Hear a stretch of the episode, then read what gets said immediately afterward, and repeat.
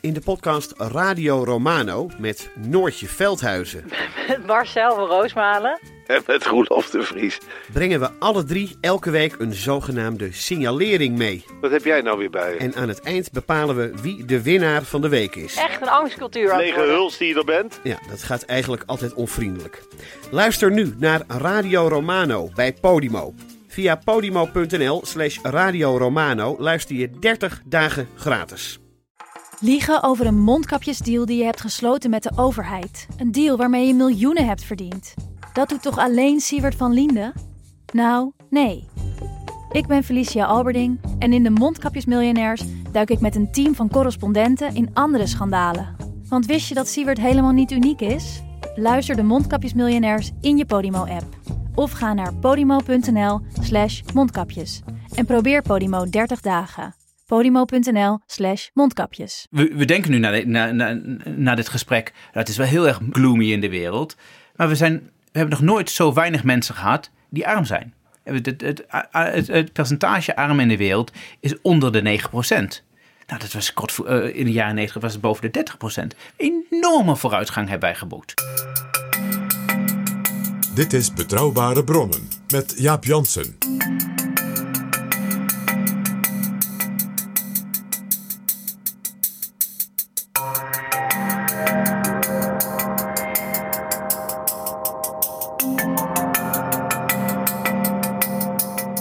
Hallo, welkom in Betrouwbare Bronnen, aflevering 26. Straks heb ik een heel interessant gesprek met Dirk-Jan Omtzigt. Hij is topman bij de Verenigde Naties in New York en heeft lang in Afrika gewerkt, maar ook in het Midden-Oosten en op Cyprus. Dirk-Jan Omtzigt is hoofd humanitaire financiële strategie en analyse. Onder zijn leiding is de Verenigde Naties bezig met een heel nieuw systeem van omgaan met humanitaire rampen. Dat doet hij met behulp van kunstmatige intelligentie, zeg maar algoritme. Precies die techniek die de laatste tijd in een kwade reuk staat, omdat je er ook consumptiegedrag en zelfs politieke meningen mee kunt beïnvloeden. Omzicht zet kunstmatige intelligentie in voor de goede zaak. We kunnen heel veel data over ehm, regenval, maar ook over eh, eh, conflict, over ehm, hoe, hoe, hoeveel armoede ergens is. Eh, die kunnen wij combineren.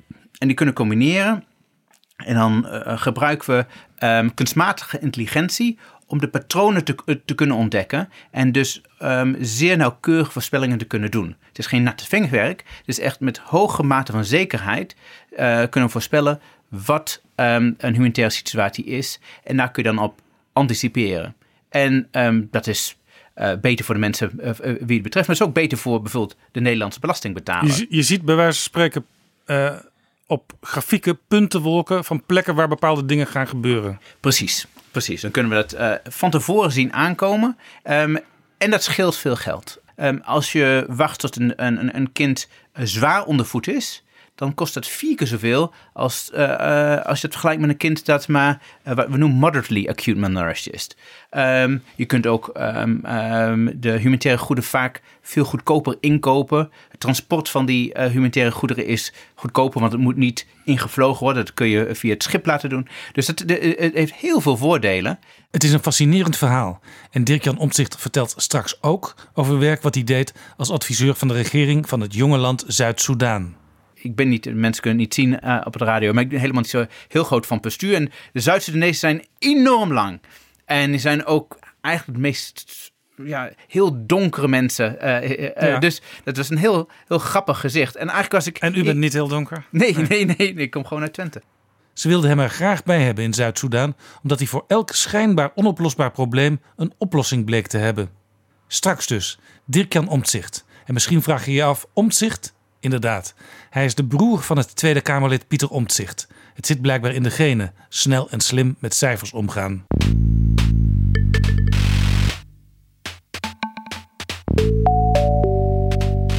Jaap Jansen en Pieter Gerrit Kroeger duiken in de politieke geschiedenis. Welkom, PG. Dag Jaap, we zijn er weer. Het duurt nog maar heel even. Op woensdag 20 maart zijn er weer verkiezingen. De verkiezingen voor provinciale staten. Dat wil zeggen dat er ruim 500 nieuwe statenleden worden gekozen in al die provincies in het land. En die statenleden die kiezen uiteindelijk weer de 75 mensen die de Eerste Kamer gaan bevolken. Mooie getrapte verkiezingen. Beetje vergelijkbaar met de Amerikaanse presidentsverkiezingen. Dan, het wordt nu vaak gezegd, hoor ik in de commentaren... ja, schande dat er voor zo'n debat op de nationale televisie... Eerste Kamerkandidaten of zelfs uh, partijleiders zitten... want daar kan niemand op stemmen. Uh, maar dat geldt natuurlijk bij de Amerikaanse presidentsverkiezingen ook zo. Je kunt ook niet rechtstreeks op Trump of op zijn tegenkandidaat stemmen. Onthoud in Amerika, de presidentsverkiezingen zijn niet nationaal. Dat zijn 50 verschillende verkiezingen met 50 verschillende kieswetten ook. En dat is bewust door de oprichters, de founding fathers van Amerika gedaan. Want men zei, je moet juist niet de president door het wilde volk zomaar laten kiezen. Maar zij moeten verstandige mensen kiezen. En die stemmen per staat op de presidentskandidaten.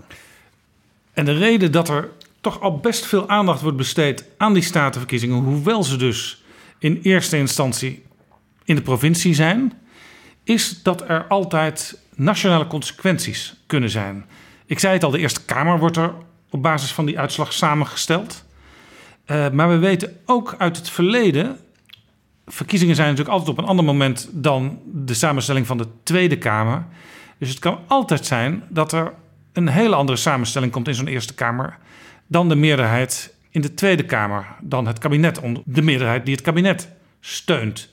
En we horen ook steeds deze dagen dat slechte uitslagen van coalitiepartijen ja, fataal kunnen zijn voor zo'n kabinet, voor zo'n coalitie. Grote spanningen, tegenstellingen, profileringsdrift. Ja, nog even los van die meerderheid in de Senaat, die er ook maar moet zijn op een bepaalde manier. Even, al dan niet met gedoogsteun. Is dat nou een vast patroon? Vraag ik me af. Jij bent politiek historicus. Jij hebt een aantal van die statenverkiezingen en de gevolgen op een rijtje gezet. En ik hoop aan het eind van dit gesprek te weten, misschien een beetje te kunnen voorspellen, wat er gaat gebeuren bij de komende statenverkiezingen. Hoe dramatisch kan de betekenis daarvan zijn voor dit kabinet Rutte 3 van VVD, CDA, D66 en ChristenUnie? Ja, als historicus zeg ik natuurlijk meteen aan het begin: resultaten uit het verleden zijn geen garantie voor de toekomst. Maar ik zal het je maar eerlijk zeggen, Jaap. Ik ben dus helemaal niet zo zeker van dat patroon, wat je dus dan heel vaak hè, deze weken nu weer hoort. Dan slechte statenverkiezingen, dan gaat die coalitie kraken, dan valt het, dan ontstaat er gedoe. Dat is een soort echo uit dat verleden, waarvan ik, als we er heel nuchter de feiten eens langslopen. Ja, waar komt, waar, komt die, waar komt die echo dan vandaan? Wat is er in het verleden gebeurd waarom we nu nog steeds denken die statenverkiezingen die kunnen fataal aflopen voor de landelijke politiek? Zullen we eens langslopen? Graag. De eerste keer dat zoiets gebeurde, uh, dat dus de statenverkiezingen een soort destructieve werking hadden op een kabinet en een coalitie die, waarvan men dacht dat die heel stevig waren, is een klassieker geworden. En dat heb je wel eens, dan is zoiets, dat echoot dan nog bij wijze van spreken decennia na. Dat was de statenverkiezingen van 1966. Toen hadden we het kabinet Kals. Dat werd het kabinet der sterke mannen genoemd. Daar zaten mensen achter de regeringstafel, zeg maar de best en de brightest uit hun partijen. Joop den Uyl, minister van Economische Zaken. Anne Vondeling, vicepremier en minister van Financiën. Jo Kals, de onderwijshervormer, die al heel lang minister was in allerlei kabinetten, nu zelf premier.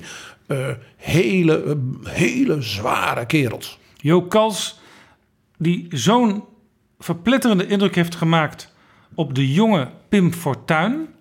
Dat de jonge Pim Fortuyn in een brief aan Jo Kals, minister-president Kals, toestemming heeft gevraagd om zijn nieuwe padvinderstroep, zijn verkennersgroep, naar Jo Kals te noemen. En daar kreeg hij per omgaande brief van Kals toestemming voor. Je ziet, we zouden zelfs een hele speciale editie kunnen gaan wijden van betrouwbare bronnen aan historische brieven in de Nederlandse politiek. Dat doen we nog eens een andere keer. Nou, eh, dat kabinet Kals, dat was op zichzelf al iets bijzonders. Dat trad aan zonder dat er verkiezingen waren geweest. Nadat een ander kabinet met een andere samenstelling qua coalitie nogal pijnlijk ten val was gekomen. Het kabinet Marijnissen. Ja, even zijsprong. Een van de belangrijkste redenen voor de oprichting van D66, de naam zegt het al, was dat nadat kabinet Kals gevallen was, er dus een nieuwe kabinet kwam op basis van de oude verkiezingsuitslag. Bij D66 zeiden ze toen, de oprichters, dit mag nooit meer gebeuren in Nederland. Elke keer als er een crisis is in de politiek, moeten er nieuwe verkiezingen komen. Ja. Totdat D66 zelf een keer in het kabinet zat, Balkenende 2, de vicepremier ten val kwam en er geen verkiezingen kwamen, maar men gewoon iemand anders naar voren schoof. Maar dit terzijde. Nou, het kabinet Kals was een kabinet van de Katholieke Volkspartij, dat was de grootste in het land op dat moment. De Partij voor de Arbeid, die voor het eerst sinds Drees toen weer echt in een kabinet kwam. Die waren dus lang als het ware buiten de coalitie en in de Ja, oppositie dan moeten we terug naar de jaren 50 en we zaten nu in de tweede helft van de Ja. jaren 60. En de ARP, de antirevolutionaire partij, de protestanten. Interessant, de Christelijk Historische Unie, dus die andere protestante partij... die samen met die twee andere katholieken, de ARP, later het CDA vormde... die vaak samen ook altijd probeerden te regeren, deden niet mee... want die waren het niet eens met met name ook het financieel-economisch beleid van het regeerakkoord. Dat betekende dus dat zeg maar, het CDA in wording, dat was toen nog niet helemaal in beeld... dus verdeeld was en dus gespleten. Dat was voor de partijen ter linkerzijde en ook bijvoorbeeld bij de VVD was men daar heel blij mee. Want als je die confessionelen zo dit kon splijten, dan kon je ze tegen elkaar uitspelen. Er was ook veel gemor daarover dus in zeg maar confessioneel en met name protestant Nederland. Dat kabinet, dat was sterke mannen. Eh, kwam met enorme plannen. De, welvaart begon natuurlijk erg toe te nemen in die tweede, eerste helft van de jaren 60. Ja, want voor het eerst hadden mensen een aantal jaren meer in hun portemonnee. Elk jaar duidelijk meer. Zoals nu heel veel mensen het idee hebben: ik ga alleen maar achteruit. Los van waar of dat waar is. Hadden toen mensen echt. Niemand klaagde. Iedereen wist. We werken hard aan de opbouw, de wederopbouw van Nederland. Maar we krijgen het ook veel beter. En onze kinderen kunnen straks ook, als ze een beetje hun best doen, gaan studeren. En we kunnen het nog betalen ook. Ja, de, de, Nederland was qua economische groei, zeg maar wat later de Aziatische tijgers waren. Eh, nu soms bijvoorbeeld landen als Polen en de, de Baltische landen. Dus p- economische groei van 6, 7, 8 procent per jaar. Eh, de inkomens gingen fors omhoog. In de, de kabinetten in die tijd hebben bijvoorbeeld eh, een keer een extra loonronde gedaan tijdens de kabinetsperiode om al alle ambtenaren veel meer te laten verdienen. Omdat ze anders met, met hun opleiding, bijvoorbeeld in de industrie en in dergelijke, veel meer konden verdienen. Dus ook die soberheid van de wederopbouw van de jaren 50, met name ook voor ambtenaren, voor leraren en dergelijke, die moest dus worden opgeheven omdat de welvaart gewoon dat afdwong. Dus kabinet van sterke mannen. Er zat trouwens ook één vrouw bij hem, Marga Klompé. Als Altijd. Marga Klompé. Ja. Ging goed met de economie, geen vuiltje aan de lucht zou je zeggen. En dat viel tegen. Want wat er gebeurde, net in die periode, 65, 66, was er een inbreuk tijdelijk in de hoogconjunctuur. Dus de economische groei viel tegen. Er ontstond ineens eh, geldontwaarding, zoals men het heette, dus inflatie. Dus die, dat extra geld, dat smolt als het ware weg. Eh, er waren ook nogal wat rellen in Amsterdam. Eh, De eerste jeugdtoestand, de nozems en de provo's. En natuurlijk het huwelijk van prinses Beatrix. Dat in de hele wereld beroemd was vanwege de rookbom. Kortom, dat kabinet Kals, dat zat eigenlijk met zijn sterke mannen op het verkeerde spoor. Dat had dus een soort soberheid, een soort ingetogenheid kabinet moeten zijn. Dus die hadden net de verkeerde toon. Hadden net veel wilde plannen waar eigenlijk dus geen geld voor bleek. Eh, en daardoor werd die coalitie een beetje verlamd. Nou, 23 maart 1966 zijn er statenverkiezingen. Ja, dat kabinet zat dus net een jaar. Ja. En wat gebeurt er? De Partij van de Arbeid, die dus voor het eerst weer meeregeert, die krijgt een enorme dreun van de kiezers. Want ja, die had gewoon niet waargemaakt. Al dat extra's voor de gewone man, wat ze hadden beloofd natuurlijk, dat zat er gewoon in. En zij leverden dus met, met Vondeling en met Joop den Uyl de ministers voor de financiën en de economie. Ja, en dat waren ook nog de twee grote talenten van de partij, waarvan eentje de partij zou gaan leiden. Ja, ze waren ook grote rivalen. Dus er waren ook spanningen in de PvdA tussen die heren. Nou, de KVP, de Katholieke Volkspartij, door de ontzuiling begon ook toen weer wat zakte bij elke verkiezing een klein beetje Het was eigenlijk een proces op zichzelf. Ja, hè, dus dat was een klein beetje, maar toch weer wat minder. Eh, de ARP, dus de protestante partij, die zat in de coalitie en was voor het eerst in zeer lange tijd nu kleiner dan de concurrent protestanten in de oppositie, de CHU. Ja, want ik herinner me dat de ARP eigenlijk altijd een stuk groter was dan het CHU. Ja. Behalve dus toen. Ja, En ook in de jaren 50 een paar keer. Maar dat is. eh, later werd de CAU smolt wat sneller weg, zal ik maar zeggen, door de ontzuiling. Maar dit keer won dus de CAU ten opzichte van de ARP nogal. Het was dus duidelijk dat dus veel protestante kiezers, als het ware, het kabinet een soort waarschuwing hadden willen geven door op de te stemmen en niet de AR. De winst zat vooral op de flanken. Je zag daar voor het eerst ook een soort polarisatie die dus voor de jaren 60, als het ware daarna in jaren 70 kenmerkend werd. Het was de PSP, de pacifistische socialisten op de linkervleugel, die een heleboel van die P van de A-stemmen eh, kon binnenhalen. Het was duidelijk een protestpartij die verdubbelde in omvang. Daarbij speelden ook dus de eerste protesten tegen de Vietnamoorlog. Dus dat pacifisme kreeg ook een soort, eh, een soort golf extra op de linkerkant. Rechts was er spectaculair winst voor de Boerenpartij van Hendrik Koekoek. Die ging van één zeteltje in één van die provincies naar 44 in één keer. Hij werd in één klap drie keer zo groot als bijvoorbeeld de CPN. Een partij, we zullen er nog een keer extra apart aandacht aan besteden. De Boerenpartij, die is opgekomen omdat de boeren een speciaal soort belasting weigerden te betalen. Althans, een, een beperkt aantal boeren. Maar die partij die kreeg op een gegeven moment zetels. En die werd ook in de steden populair. Waar mensen soms switchten van de communisten naar de Boerenpartij. Ja, en het is heel interessant als je kijkt naar de uitslagen van Nederland toen. Zelfs interessant voor nu. Want je ziet dus dat waar werd die boerenpartij dus vooral groot. In eh, streken als Brabant en Limburg. Eh, maar bijvoorbeeld ook in Groningen en in Noord-Holland. Waar in die tijd de CPN dus sterk was.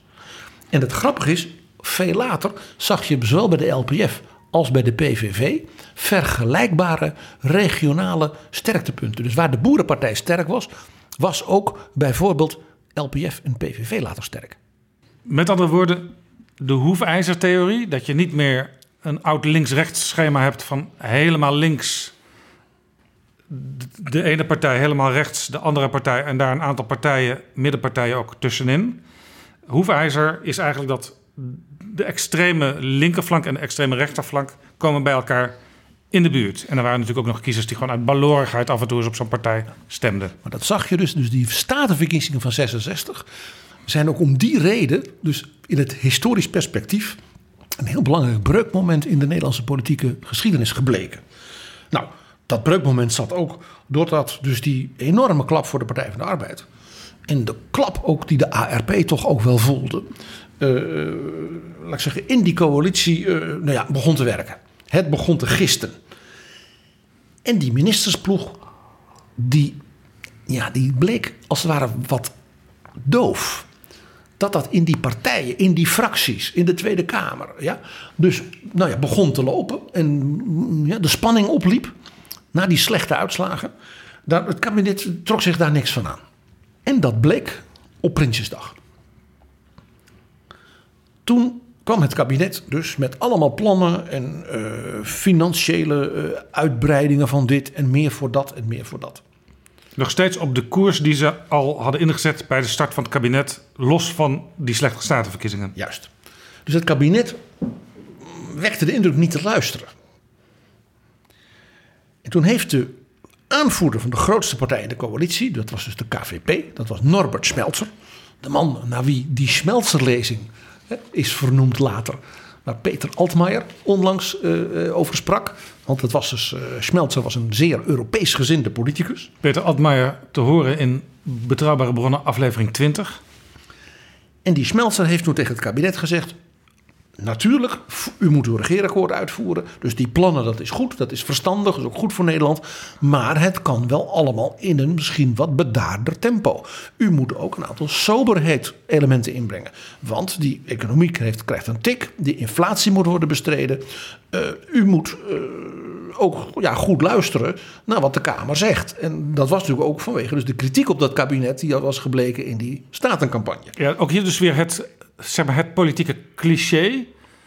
Uh, sommige partijen met daarin de Partij van de Arbeid willen uitgeven, nieuwe plannen. Rechtsere partijen willen soms wat op de rem gaan staan. In dit geval de Katholieke Volkspartij onder leiding van Norbert Smeltzer in de Tweede Kamer. Ja. Dat betoog van Smeltzer was dus vooral bedoeld als een soort aanmoediging aan dat kabinet om eh, laat ik zeggen, eh, ja, eh, wat, ook wat soberheid door te voeren. En natuurlijk ook wel de Partij van de Arbeid, die zo verloren had, een toontje lager te laten zingen in dat kabinet. Premier Kals en zijn PvdA-ministers met name samen, die begonnen die motie die hij zou indienen om dat kabinet aan te moedigen die kant op te gaan, als een motie van wantrouwen.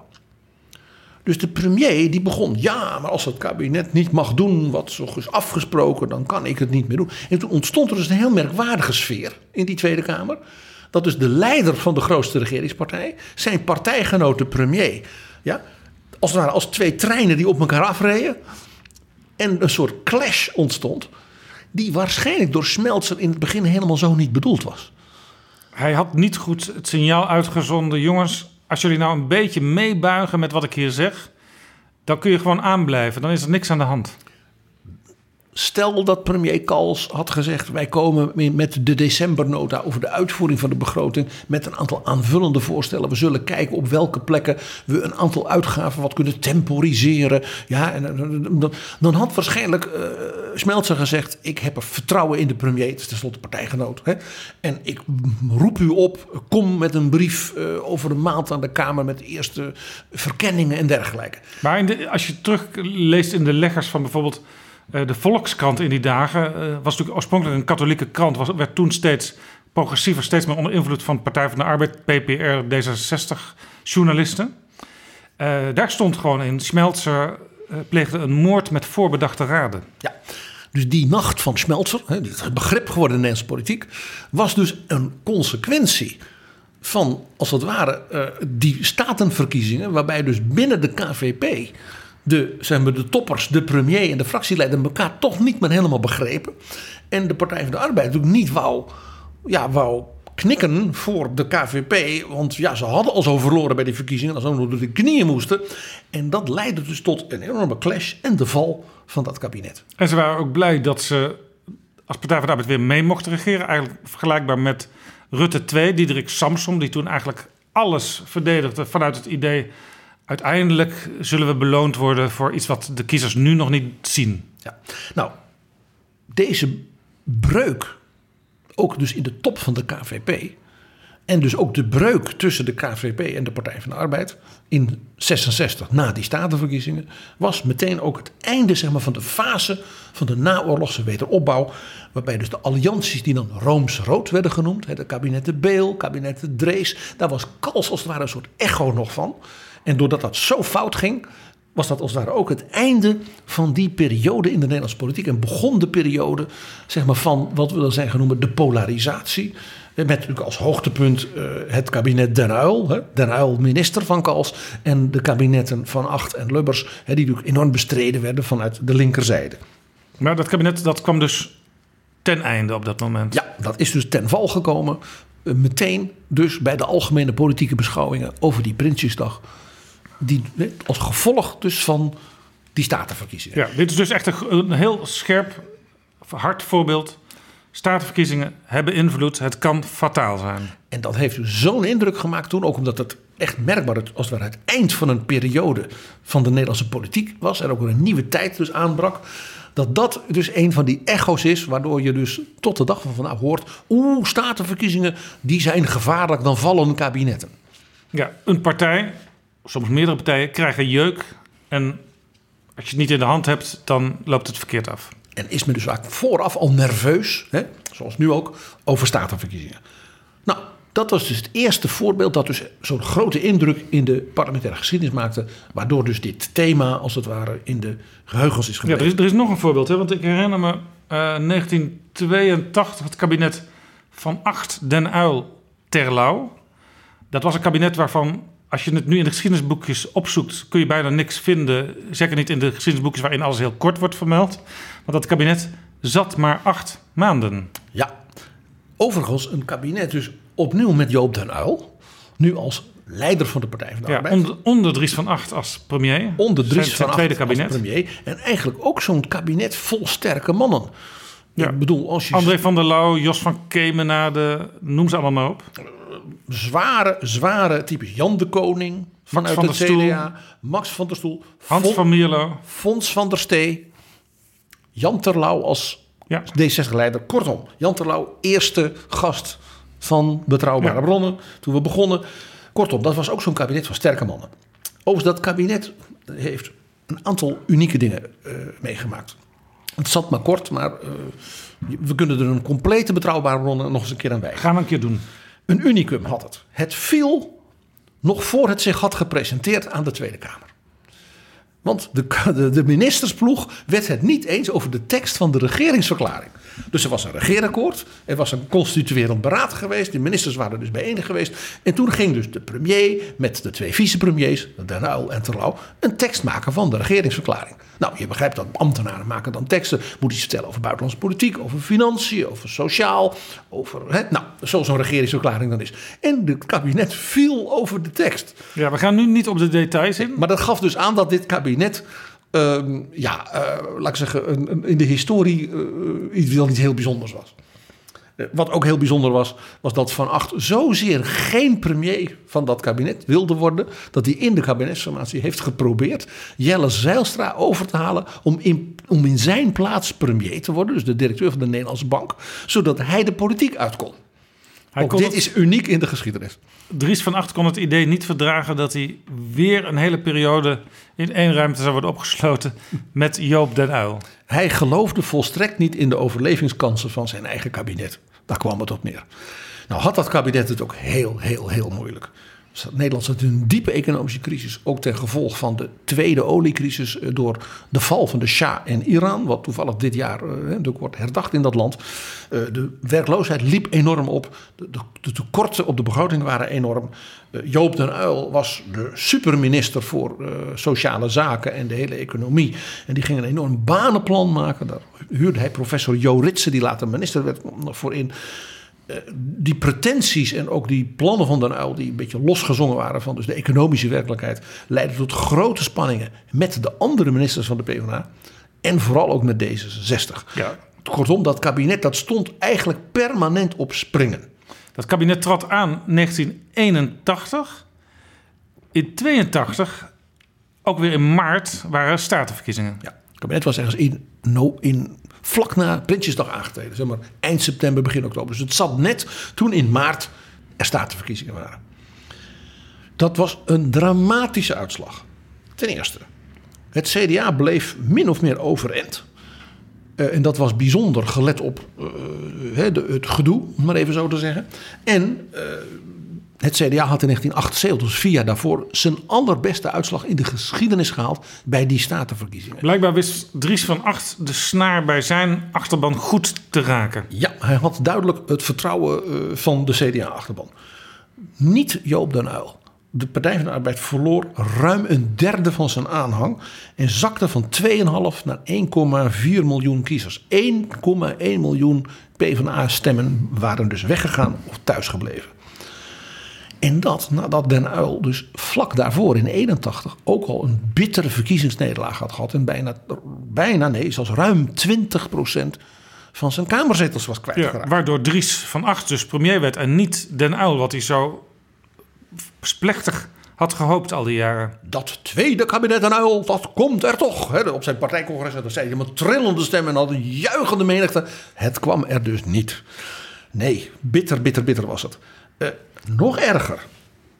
De Partij van de Arbeid was ook niet meer de tweede partij van het land. De VVD van Wiegel was net ietsje groter. Voor het eerst dus eigenlijk in de Nederlandse geschiedenis eh, stomen de liberalen op tot grote hoogte. Want de liberalen, dat was altijd een partij die kon meeregeren. eh, maar zou nooit, duidelijk nooit, nooit de premier kunnen leveren. Was altijd het idee. En duidelijk nummer drie. Ja. Omvang. Je had de twee groten, Ja. de confessionele Ja. en de sociaaldemocraten. en als en het dan de debat was, debat was, dan wa- wa- waren het vaak de drie grote partijen. Daar mocht dan de VVD ook meedoen. Ja. En dit was dus het eerste teken dat die partij fors in opmars was. Eh, Hans Wiegel die had dus van toch een beetje elitaire partij... voor het eerst echt een volkspartij gemaakt. Ja, en dat was dus bij deze statenverkiezingen voor het eerst echt vol merkbaar. Nou, eh, de Partij van de Arbeid eh, verlo- verloor fors aan, eh, aan D66. En opvallend, een proteststem van linkse kiezers naar de kleine linkse partijen. Die op, dus, dus de PSP, de PPR, de CPN. Het interessante was dat die dus vier jaar daarvoor bijna alle drie volledig weggevaagd waren. Ja, toen Den Uyl zijn kabinet voor links, in linkse ogen zo succesvol had geleid. En ook bij die statenverkiezingen van 1978. Dus het interessante is dat de, dat, dat zware verlies van de PvdA in 82 aan met name die klein linkse protestpartijen de redding van die partij is geweest en daardoor GroenLinks kon ontstaan. Want die zijn toen als het ware in de jaren daarna meer bij elkaar gaan kruipen en hebben dus dat GroenLinks laten op, op, opbloeien, om maar zo te zeggen. Maar eigenlijk waren die drie partijtjes dus volledig weggevaagd geweest. Dus heel interessant hoe dus de statenverkiezingen van 82 ook in dat opzicht dus historisch waren. Nou, je begrijpt, eh, de uitslagen kwamen binnen. Dat was natuurlijk voor de Partij van de Arbeid een drama. Eh, het CDA was tevreden met deze eh, bestendiging van zijn zeer hoge uitslag van vier jaar daarvoor. En ja, premier Van Acht werd natuurlijk gevraagd: wat gaat u nu doen? Meneer Van Acht. Ja, ja, doorregeren natuurlijk. Waarop de, hij zei, ja, wij houden vol, uh, moeilijke tijden. Uh, ik ga met mijn ministers natuurlijk alles eraan doen om die economie te redden. En het land moet geregeerd worden. En ik, ministers dus ook van de Partij van de Arbeid. Zeker. Hij zei, en bovendien, zei hij, kijk naar de uitslagen. Het CDA, ja, onverminderd grootste partij. Ja, ook nog nooit zoveel stemmen gehad. En onze vrienden van Terlouw, van D66, hebben toch een mooie uitslag gemaakt. Die hadden dus al die stemmen van de PvdA voor een deel binnengehaald. Dus ondanks die zware tijden en de harde ingrepen, voel ik de steun van de kiezers.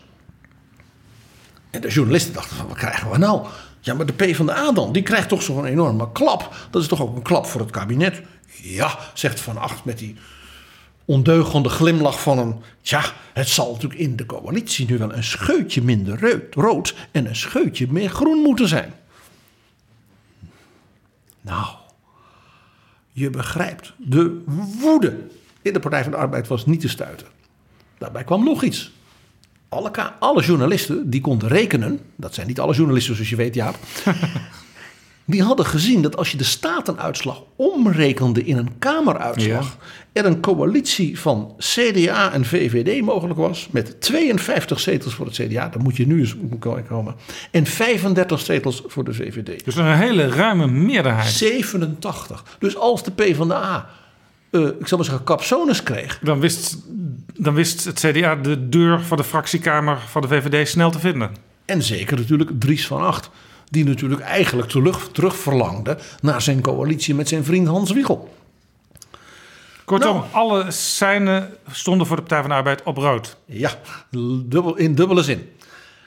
Op 11 mei, dus dat was niet lang na die statenverkiezingen, lag er een eindbod van de minister van Financiën eh, en de premier. De minister van Financiën, Fons van der Stee van het CDA. Fons van der Stee. Rampenfonds werd hij genoemd door Wim Kan. Ja, en door Joop den Uyl, die namelijk stiekem heel erg op Fons van der Stee als mens gesteld was. Hij het enige fonds dat nooit leeg raakt. dat had ook te maken met het feit dat hij wel van een goed glas hield. Ja. Maar dit terzijde. Uh, eh, 11 mei lag er dus in de, in de ministerraad een eindbod voor extra ingrepen, extra bezuinigingen, want het ging nog slechter met de economie. En de Partij van de Arbeidministers, aangevoerd door Joop den Uyl, zeiden wij accepteren dit niet. En toen zei D66, en wij wel, want wij vinden dit belangrijk. En het CDA steunt natuurlijk zijn eigen minister. En toen viel het kabinet. Ja, heel interessant, want Jan Terlouw in Betrouwbare Bronnen aflevering 1 riep daar eigenlijk de politiek en ook zijn eigen partij op om zich te gaan verzetten tegen het doorgeslagen kapitalisme. Uh, maar toen had Jan Terlouw in de ogen van de Partij van de Arbeid een hele rechtse positie, namelijk toch stevig bezuinigen wat de Partij van de Arbeid weigerde. En D66 zei nee, dit moet voor het land, hier moeten we doorheen. Want dan kunnen we er later weer op bouwen. Dus dat is ook hoe de perceptie soms van dezelfde persoon in andere omstandigheden totaal anders kan zijn. Zeker, daarom dat ik als politiek historicus ook altijd wel kan glimlachen. Om dat soort imago-dingen. Jan Terlouw is nu een soort goeroe van duurzaam links uh, levensgevoel. En toen werd hij een afschuwelijke rechtsbal gevonden. Zo zie je maar. Dat kabinet dat kwam dus ten val. Eh, maar er kwam meteen het, het kabinet van 8-3. Maar dat was eigenlijk een tussenkabinet. Hè, want ze moesten verkiezingen... Ze moesten natuurlijk eerst gaan bezuinigen, vervolgens verkiezingen uitschrijven. En dat was een kabinet zonder de Partij van de Arbeid. Want CDA en D66 regeerden door. En kregen in de Kamer steun van de VVD. Ja, en dat was uiteindelijk... Dat maakt het zo wrang, want je zei net... eh, D66 won bij die statenverkiezingen nog kiezers van de Partij van de Arbeid. Toen uiteindelijk Tweede Kamerverkiezingen kwamen... Toen waren natuurlijk heel veel kiezers van D66 weer boos op die partij. Zeker ook mensen die eerst PvdA hadden gestemd. Omdat ze toch met dat verderfelijke CDA... en zelfs met steun in de Kamer van de VVD hadden doorgeregeerd. Ja, dus de D66 kreeg toen bij de Kamerverkiezingen in september 82 een enorme dreun. Eh, lag dus in de, in de touwen. Jan Terlouw heeft daar nog een boek over geschreven. Dus Zeker. dagboek naar 17 zetels en terug. Ja. En dat terug was de uitslag zes zetels. Ja. En dat was ook het moment waar wij het in betrouwbare bronnen ook al eens over hadden gehad. Dat Van Acht zijn briljante manoeuvre eh, pleegde om zich terug te trekken ineens. En op zo'n unieke manier afscheid nam. Toen Jan de Koning werd voorgedragen en toch uiteindelijk Lubbers uit de hoge hoed kwam. Juist. En dat is dus. Dus deze staatsverkiezingen, de val van dat kabinet, hebben dus de basis gelegd, ook in het beleid van hard ingrijpen en nu moet er stevig ge- geregeerd worden, voor die drie kabinetten Lubbers. Want die hadden we anders misschien helemaal niet gehad. Dat is interessant. Soms worden dus dingen in gang gezet op een moment dat niemand dat nog doorheeft. Dat kan ook niet, want het zijn dingen die pas 5, 10, 15 jaar later gebeuren. Maar die dus niet op die manier hadden gebeurd als dat ene accident niet gebeurd was. Zo is het. Daar is nog een heel mooi voorbeeld van. De statenverkiezingen die er waren op 6 maart 1991. 6 maart 1991, even kijken, dat was het kabinet Lubbers 3. Ja. Lubbers had eerst als CDA met de VVD twee kabinetten geregeerd. En toen kwam Wim Kok als vicepremier, minister van Financiën. Lubbers versterken, zijn derde kabinet dus. Lastige periode, want de WHO, de arbeidsongeschiktheidsverzekering... daar bleken zoveel mensen in te zitten dat die onbetaalbaar dreigde te worden. Het hele sociale stelsel stond onder zware druk. Daar moest dus iets gebeuren. Ja. En eh, ook de financiën van het land eh, eh, kregen een aantal flinke tikken. Dus Wim Kok als minister van Financiën had vooral tegenvallers die die moest compenseren. En de Partij van de Arbeid moest als het ware op, aangezet daartoe, met name ook door Lubbers, eh, het hele sociale stelsel hervormen. Eh, Lubbers hield toen zijn beroemde reden: Nederland is ziek.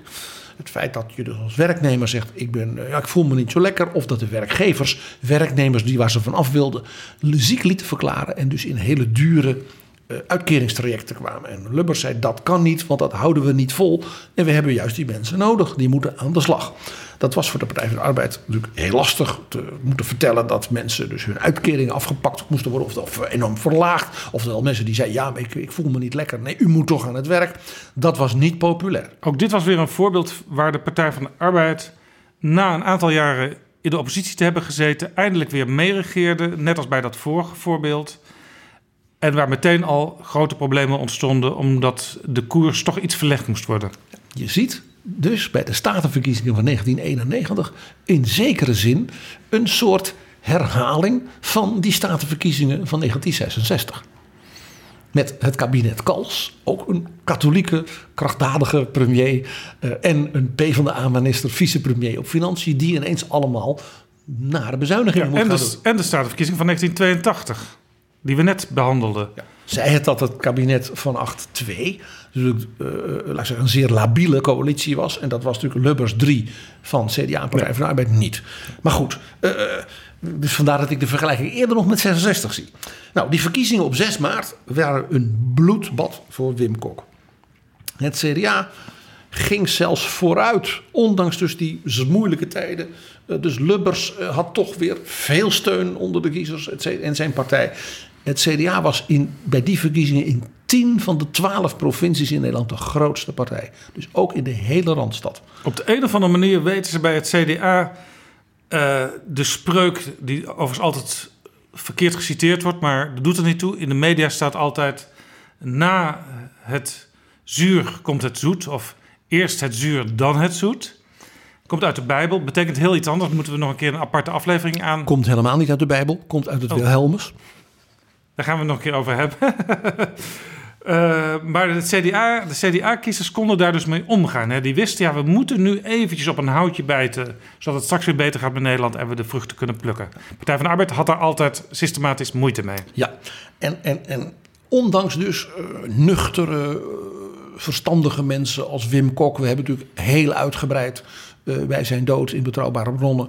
prachtige gesprekken met mensen gehad, jonge mensen uit de PvdA... maar ook tijdgenoten van Kok... die ook over die nuchterheid van hem natuurlijk heel mooi konden vertellen. Ja, dat is de best beluisterde aflevering tot nu toe van Betrouwbare Bronnen. Dat was aflevering 9. Echt een heel eh, mooi aantal gesprekken met Intimi van Wim Kok. En de langste editie in de tijd ook van Drie Betrouwbare uur Bronnen. en tien minuten als ik het goed heb. En wat mij dus fascineert, dank u wel, eh, luisteraars van Betrouwbare Bronnen, dat u ons zo trouw bent. Dat u dus juist ook zo'n bijzondere, hele lange uitzending, dat die meer luisteraars trekt dan alle andere daarvoor en daarna. Ook heel goed beluisterd. eh, twee uur en drie kwartier. De aflevering eh, over Xi Jinping met Ties Dams. En natuurlijk Manfred Weber. Gesprek in het Engels over Europa en de toekomst van Europa. En u- uiteraard jouw vaste rubriek PG. Eh, maar ik heb op een gegeven moment gedacht, dit even terzijde luisteraars. Betrouwbare bronnen mag ongeveer twee uur duren, maar niet veel langer, want dan wordt het wel erg lang. Daar kwamen al opmerkingen toen, toen ik dat bedacht. Van nou nee, doe toch maar lekker lang, want dan kunnen wij in de trein van Den Haag naar Groningen de hele aflevering beluisteren. En in de trein van Brussel terug naar Den Haag hetzelfde. Eh, dus ja, het is nog een beetje schipperen van wat zou nou de ideale lengte van betrouwbare bronnen zijn. Misschien kun je daar eens over reflecteren als luisteraar eh, op Twitter of in de commentaren eh, van, van deze podcast. Maar goed, dat terzijde.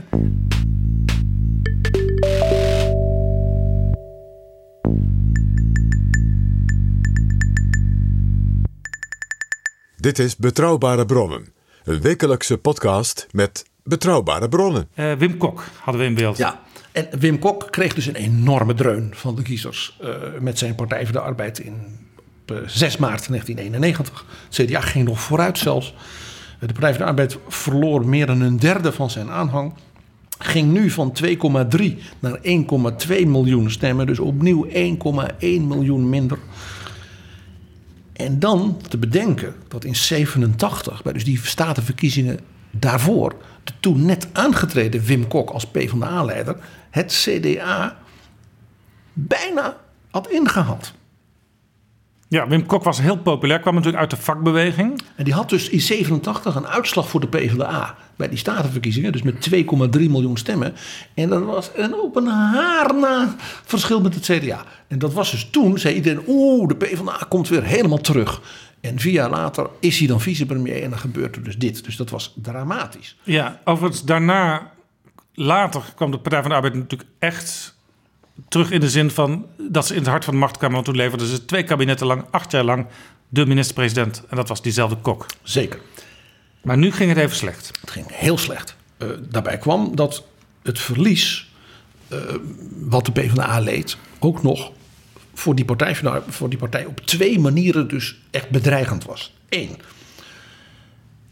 zeg maar de helft van die 1,1 miljoen eh, kiezers, die bleef gewoon thuis.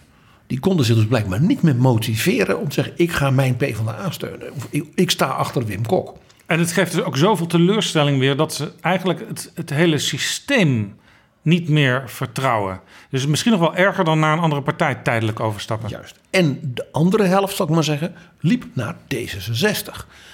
En die partij steunde vanuit de oppositie het kabinet. Zoals Van Mierlo toen de leider zei: Ik steun het kabinetsbeleid vanuit de oppositie.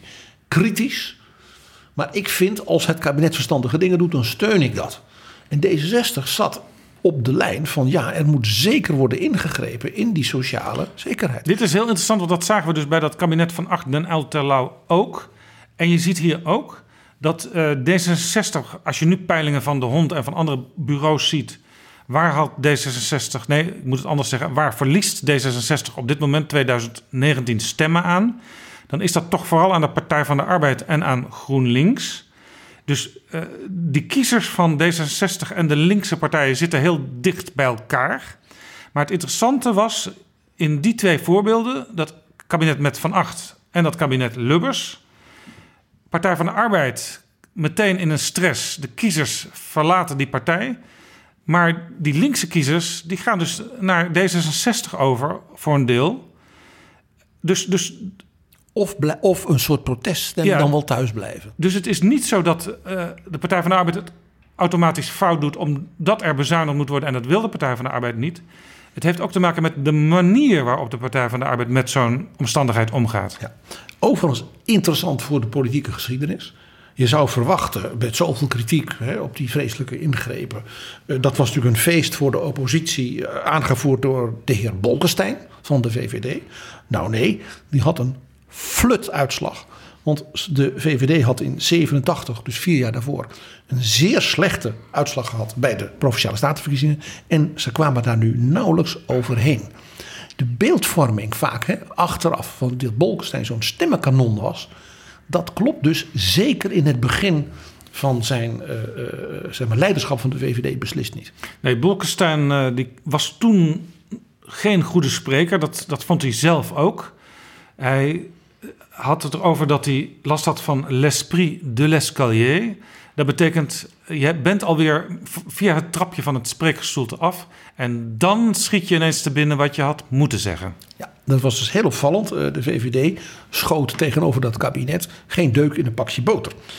Nou, je begrijpt de effect hiervan. Het CDA dus bevestigt in zijn toch al krachtige machtspositie. De Partij van de Arbeid die een enorme dreun krijgt. D66 dat vanuit de oppositie in feite dus meer Lubbers steunt dan Wim Kok. Dus dat was heel gevoelig. Dus in de PvdA dreigde een soort implosie. Uh, er was enorme opstand. Uh, men zei van misschien moet Wim Kok maar gewoon weg als partijleider. Een rivaal als André van der Lauw, de oud-burgemeester van Rotterdam, oud-minister, poogde een soort koep in de partij, op het partijcongres. Nou, uiteindelijk durfde het partijcongres het niet aan om zeg maar, de coalitie dat was, op te blazen. Ik, meen ik, als ik me goed herinner, in de vereniging in Nijmegen. Ja, dat zou heel goed kunnen, ja. En uh, ik zat daar op de perstribune en ik zag Wim Kok zweten en aan alle kanten had hij het moeilijk. En het was maar de vraag hoe dat zou aflopen die dag. Ja, en uiteindelijk heeft dus de PvdA ervoor teruggeschrikt om die coalitie op te blazen. Omdat men het gevoel had, ja dan komen wij dus voor jaren als weglopers en ja, bang voor om in te grijpen en stevig beleid te voeren, de, oppositie in. Dat zal de dominantie van het CDA misschien wel nog verder versterken met dus de krachtfiguur Lubbers, die al zo lang premier was. En die dan natuurlijk met zijn vriend van Mierlo en met de VVD van Bolkestein, die het niet goed doet. Dus die kan niet tegen elkaar uitspelen. Dus de PvdA heeft toen gedacht, nou laten we dan toch maar blijven zitten en dan nou ja, door de zure appel heen bijten. En dit was dus achteraf beschouwd een heel verstandig moment van Wim Kok. Want ja, je, je zegt het al, ze hadden uitgespeeld kunnen zijn, maar ze hadden ook kunnen denken op dat moment: we gaan keihard de oppositie in, dan worden we weer de grootste partij en dan kan niemand om ons heen. Ja, maar dan hadden ze natuurlijk niet het jaar, zeg maar het jaar daarvoor eh, moeten zeggen: we gaan met het CDA een coalitie aan. Dat was niet heel geloofwaardig geweest. Dat, is, dat is ook waar. Dus ze bleven gewoon nog steeds die hele kist zure appels ja. leeg eten. Toch zeg ik er iets bij. Stel, de Partij van de Arbeid was eruit gestapt. En was dus jarenlang machteloos in de oppositie gebleven. En Wim Kok was dus als partijleider afgeserveerd. En ik noem maar eens wat, André van der Lauw was de nieuwe PvdA-leider. Dan hadden we dus nooit kabinetten Kok gehad. Waarschijnlijk ook niet de Paarse coalitie. En misschien wel een serie kabinetten Elko Brinkman. Zo zie je, ook hier dus weer een voorbeeld...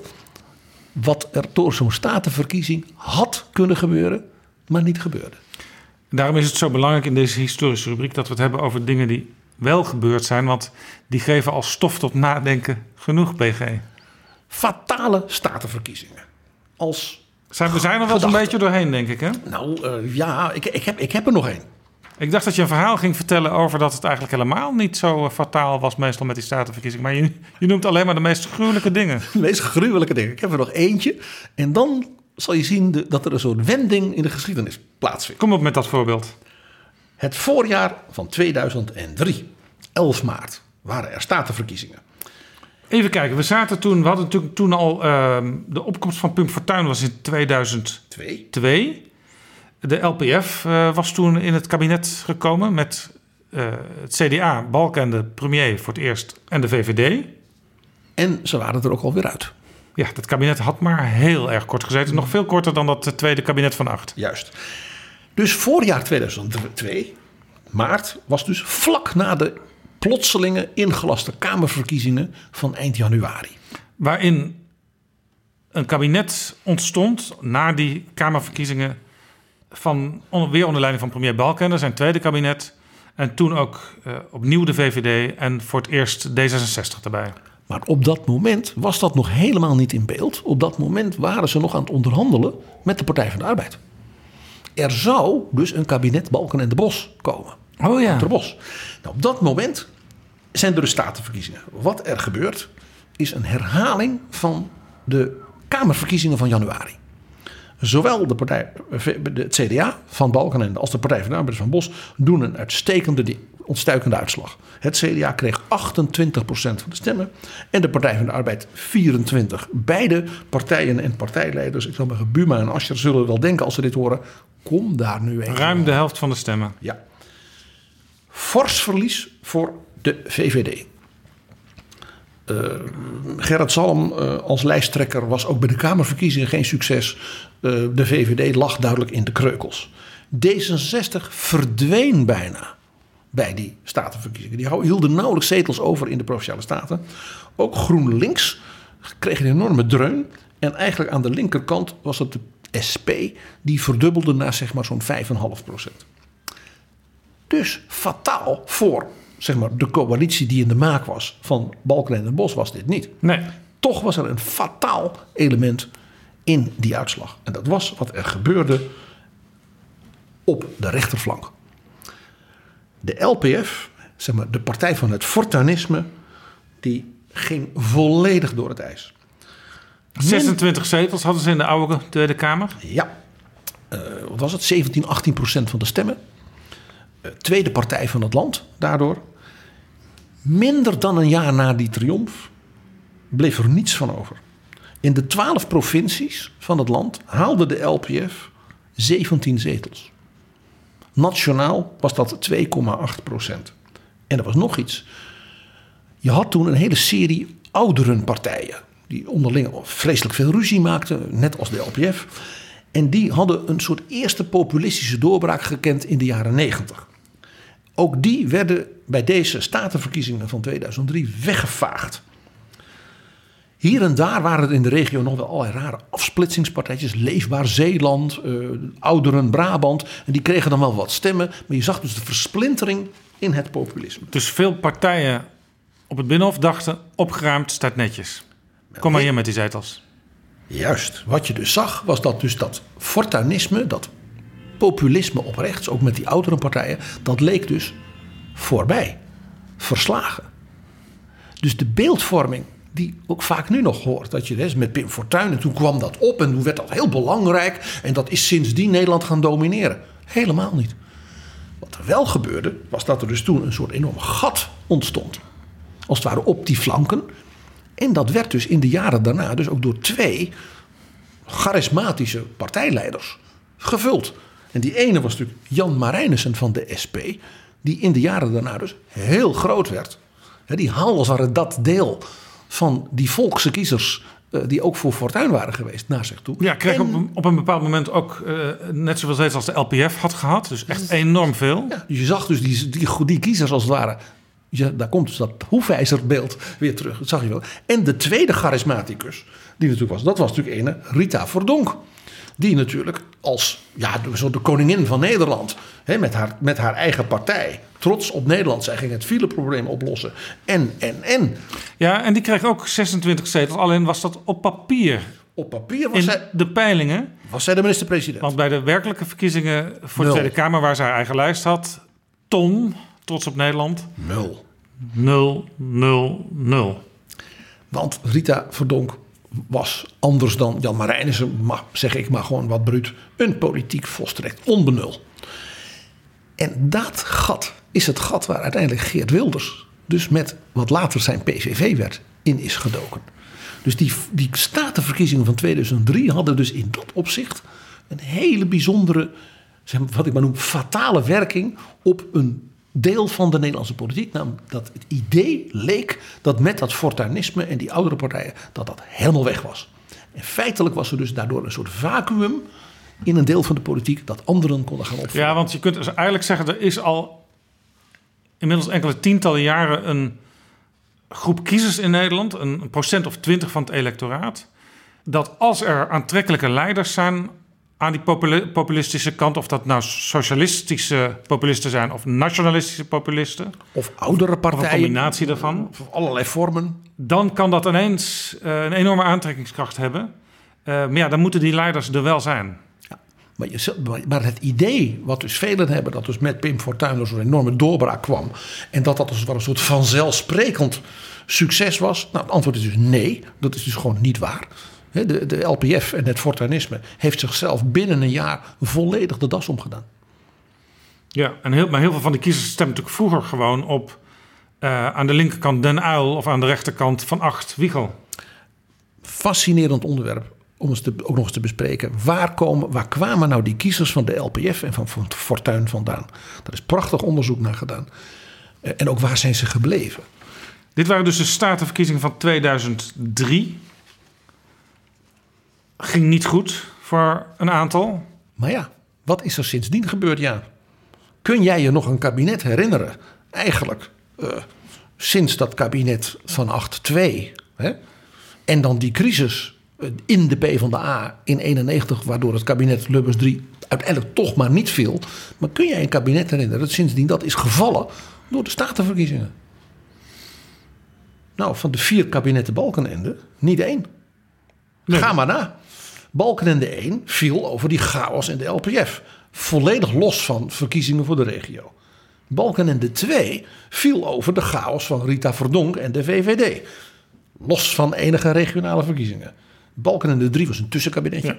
Balkenende 4 had in 2007 overigens, toen waren ze net aangetreden, heel zwakke statenverkiezingen. Maar vooral, daar komt hij weer, voor de Partij van de Arbeid. De Partij van de Arbeid had in 2006 bij de Kamerverkiezingen in november al slecht gescoord. En verloor nog eens een kwart van zijn stemmen in de provincies maart 2007. Ja, en maar toen kregen we Rutte, hè? 2010, dat, die gedoogconstructie waarin de PVV vanuit de Kamer het kabinet overeind hielp. Het kabinet van VVD en CDA met Maxime Verhagen als vicepremier. Ja, nou, maar, maar e- even, Balkenende 4 viel dus niet over die statenverkiezingen van 2007. Viel drie jaar later, heeft niets dus met statenverkiezingen maken, over Oeroesgan. En vooral ja, maar dat is, dat is- puinhoop ja. in de PvdA. Ja. Kabinetten Rutte, we hebben er nu drie. Het eerste kabinet Rutte had op 2 maart 2011 statenverkiezingen. De VVD van Mark Rutte ging een beetje omhoog. Dus dat was fijn voor hem, maar niet spectaculair. Het was geen votum van wij willen Mark. Hè, 20% van de stemmen, dus het was niet slecht, maar ook niet geweldig.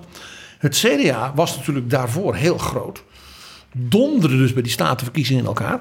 Maar stiekem waren ze in het CDA helemaal niet zo ontevreden.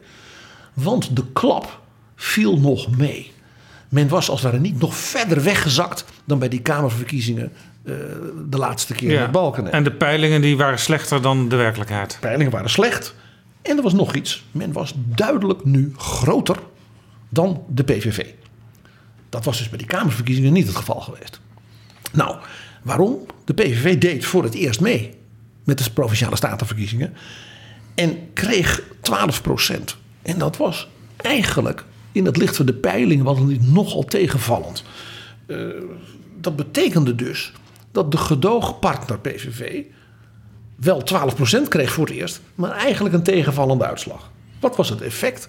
Dat elk van die drie partijen van die gedoogcoalitie er dus geen reden in had op dat moment om de zaak nou maar meteen weer op te blazen. Nee. Laten we eerst eens even afwachten tot op het beleid gaat werken. Wat bijna iedereen vergeten is, is dat dus de linkse oppositie bij die statenverkiezingen, de SP van Jan Marijnissen, zeer fors verloor.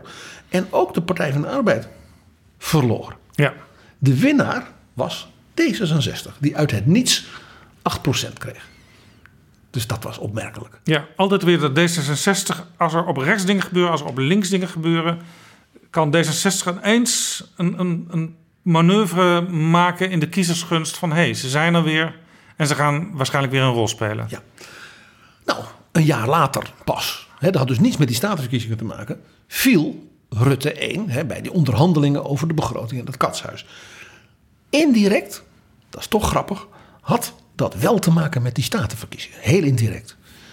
Bij die statenverkiezingen was de PVV in Limburg de grootste partij geworden. En Wilders vond dat natuurlijk prachtig. Ja, ze, kregen ook, ze kregen ook twee gedeputeerden. En ze gingen zelfs gedeputeerden leveren. Maar de PVV in Limburg, en dat bleek niet alleen in Limburg, maar vooral in Limburg, was een puinbak. Mensen die elkaar verrot scholden, eh, afsplitsingen, eh, ze scheurden. Eh, Wilders raakte dus de greep kwijt op al die PVV's in de provincie. Dat kon hij niet in zijn eentje allemaal managen. Dat, dat leidde ertoe dat de PVV feitelijk implodeerde. En dat is de reden geweest waarom Wilders wegliep uit die coalitie en uit dat gedogen. Om op die manier de greep op zijn eigen achterban en zijn eigen partij te herstellen.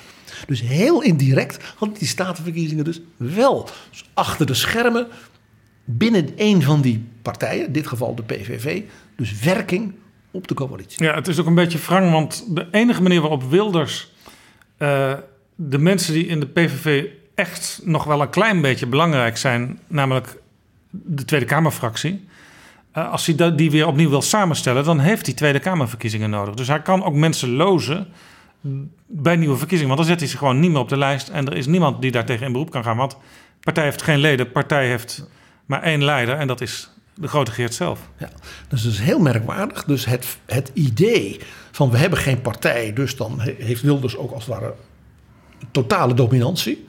Het effect daarvan is dat hij dus ook geen greep heeft op zijn mensen. Want die zitten daar namens een niet bestaande partij en kunnen voor zichzelf beginnen. En dat doen ze dan ook overal en Ja. voortdurend. De les hier is dus, eh, misschien ook een beetje voor Thierry Baudet, want die denkt nu ook. eh, ik heb weliswaar leden, ik zit nu even voor Thierry Baudet te denken. Ja. Eh, Iemand moet het doen. Ik geef ze niet veel invloed. Eh, we hebben geen congressen met moties, amendementen, besturen, werkgroepen, checks en balances. Dat is eigenlijk toch een beetje wat Geert Wilders ook doet. Alleen heeft Thierry Baudet dan wel, dat moet hem nagegeven worden, ruim 30.000 leden, meer dan de VVD, zelfs op dit moment. Maar feitelijk is het een bijna Stalinistische, autoritaire organisatie. Ja, en dat betekent dus dat een partij is uiteindelijk alleen maar vruchtbaar en duurzaam als je op alle niveaus mensen hebt die daar hun ziel en zaligheid voor willen inzetten, maar die ook de, de, de rottige klusjes willen doen. En maar, discussiëren willen. maar die of het eens ook- kritiek mogen Ja. hebben op de leiding. En die nog eens eens met een nieuw idee kunnen komen. Precies, want dat maakt ook dat soms in partijen, we hebben de Partij van de Arbeid een aantal keren genoemd, enorme discussies ontstaan die misschien ook wel fataal kunnen zijn af en toe. Maar ja, uiteindelijk kom je toch weer terug en stijg je weer in de kiezersgunst. Een democratie leeft doordat mensen met elkaar dingen willen doen voor het bonum commune, het, het, de goede, het goede gezamenlijke, zoals dat heet uit de middeleeuwen. En de democratie leeft doordat mensen eh, loyaal zijn aan elkaar en elkaars ideeën daarin ook respecteren. En het is dus in dat soort partijen dat dus die loyaliteit kenmerkend nooit bestaat. En met Ruud Lubbers gesproken, politiek is niet voor bange mensen. Zo is het. Nou, statenverkiezingen, nog eentje dan. Die van 2015. Dus de meest recente. Weet u nog? Toen zat er het kabinet Rutte 2 en dat had een meerderheid Ja, in de Tweede Kamer. VVD, Partij van de Arbeid. ging prima. Maar ja, de Ook eerste... hier, ook hier een aantal eh, sterke ministers. Ja, maar ja, in de Eerste Kamer was het lastig voor dat kabinet. En die wordt samengesteld door de Provinciale Staten. Dus wat gebeurt er? Bij die statenverkiezingen. Het leek misschien mee te vallen. Eerst. Maar als je goed kijkt, was het heel problematisch. De VVD verloor 20% van zijn aanhang. Dat is veel. Dat is niet mis. Maar ja, de Partij van de Arbeid, de regeerpartner, donderde in elkaar. Die ging van 17 naar 10 procent van de stemmen. Dat is heel erg veel. Ja, en ook psychologisch. Dit betekende dat de partij van Ascher en Samson nu kleiner was dan zowel het CDA, D66, de SP en de PVV. Dus je bent de tweede partij in de Tweede Kamer, bijna net zo groot als die partij van Rutte, de eerste partij. En in die statenverkiezingen en in die Eerste Kamer die daaruit volgt, ben je dus partij nummer 5 of nummer 6 in omvang. Dus dus ook psychologisch politiek een enorme dreun. Maar ja, grappig. Rutte had een soort voordeel.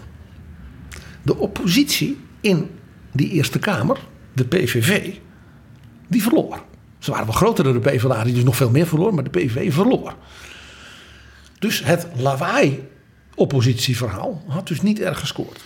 Nee, er hoefde, Rutte hoefde niet veel PVV-corvée te doen Nee, door die uitslag. exact.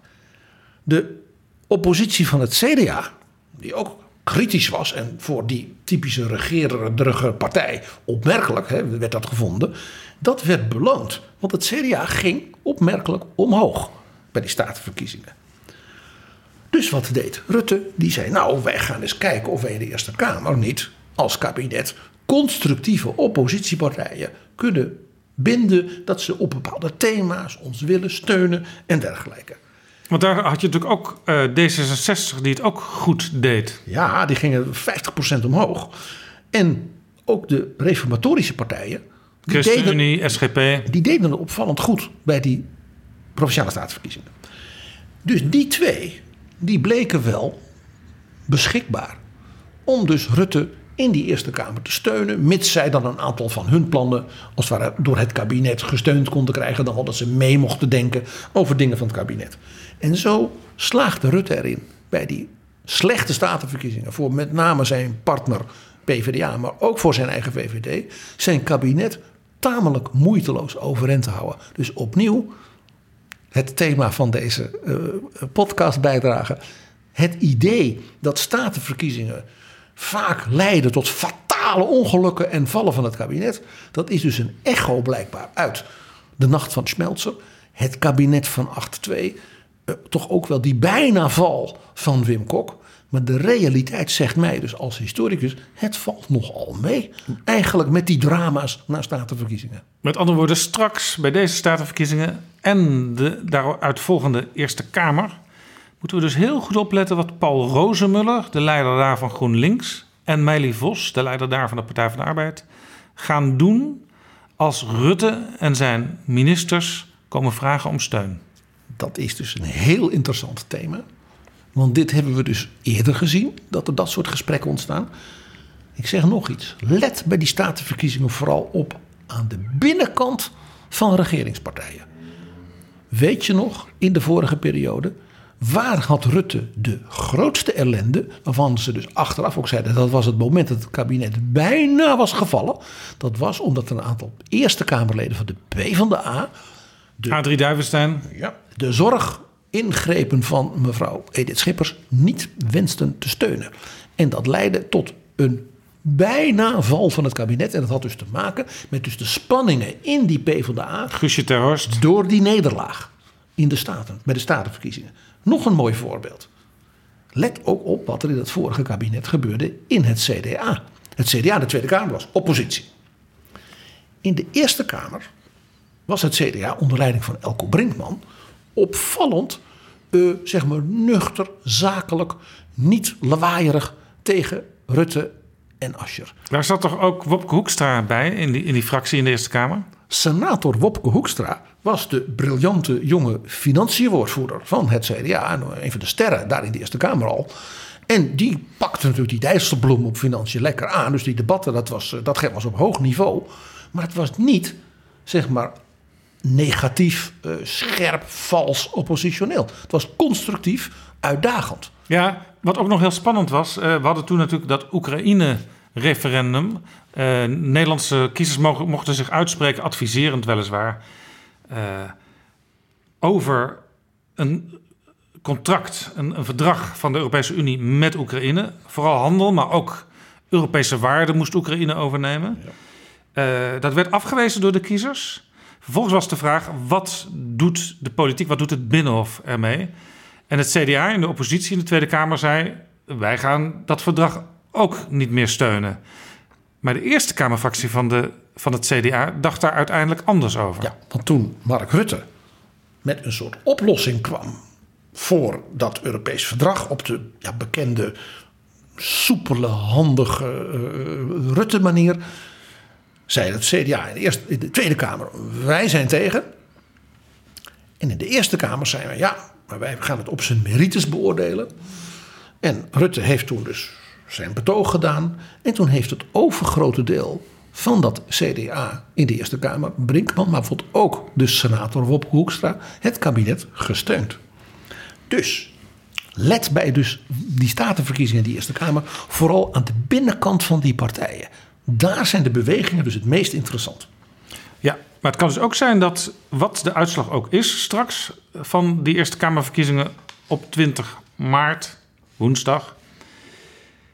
Wat de uitslag ook is, het kan best zijn dat het kabinet met heel veel problemen, met heel veel slechte peilingen en dus ook wel waarschijnlijk op een aantal fronten een slechte uitslag straks, het toch gewoon uitzit en gewoon doorgaat met steun uit soms onverwachte hoek.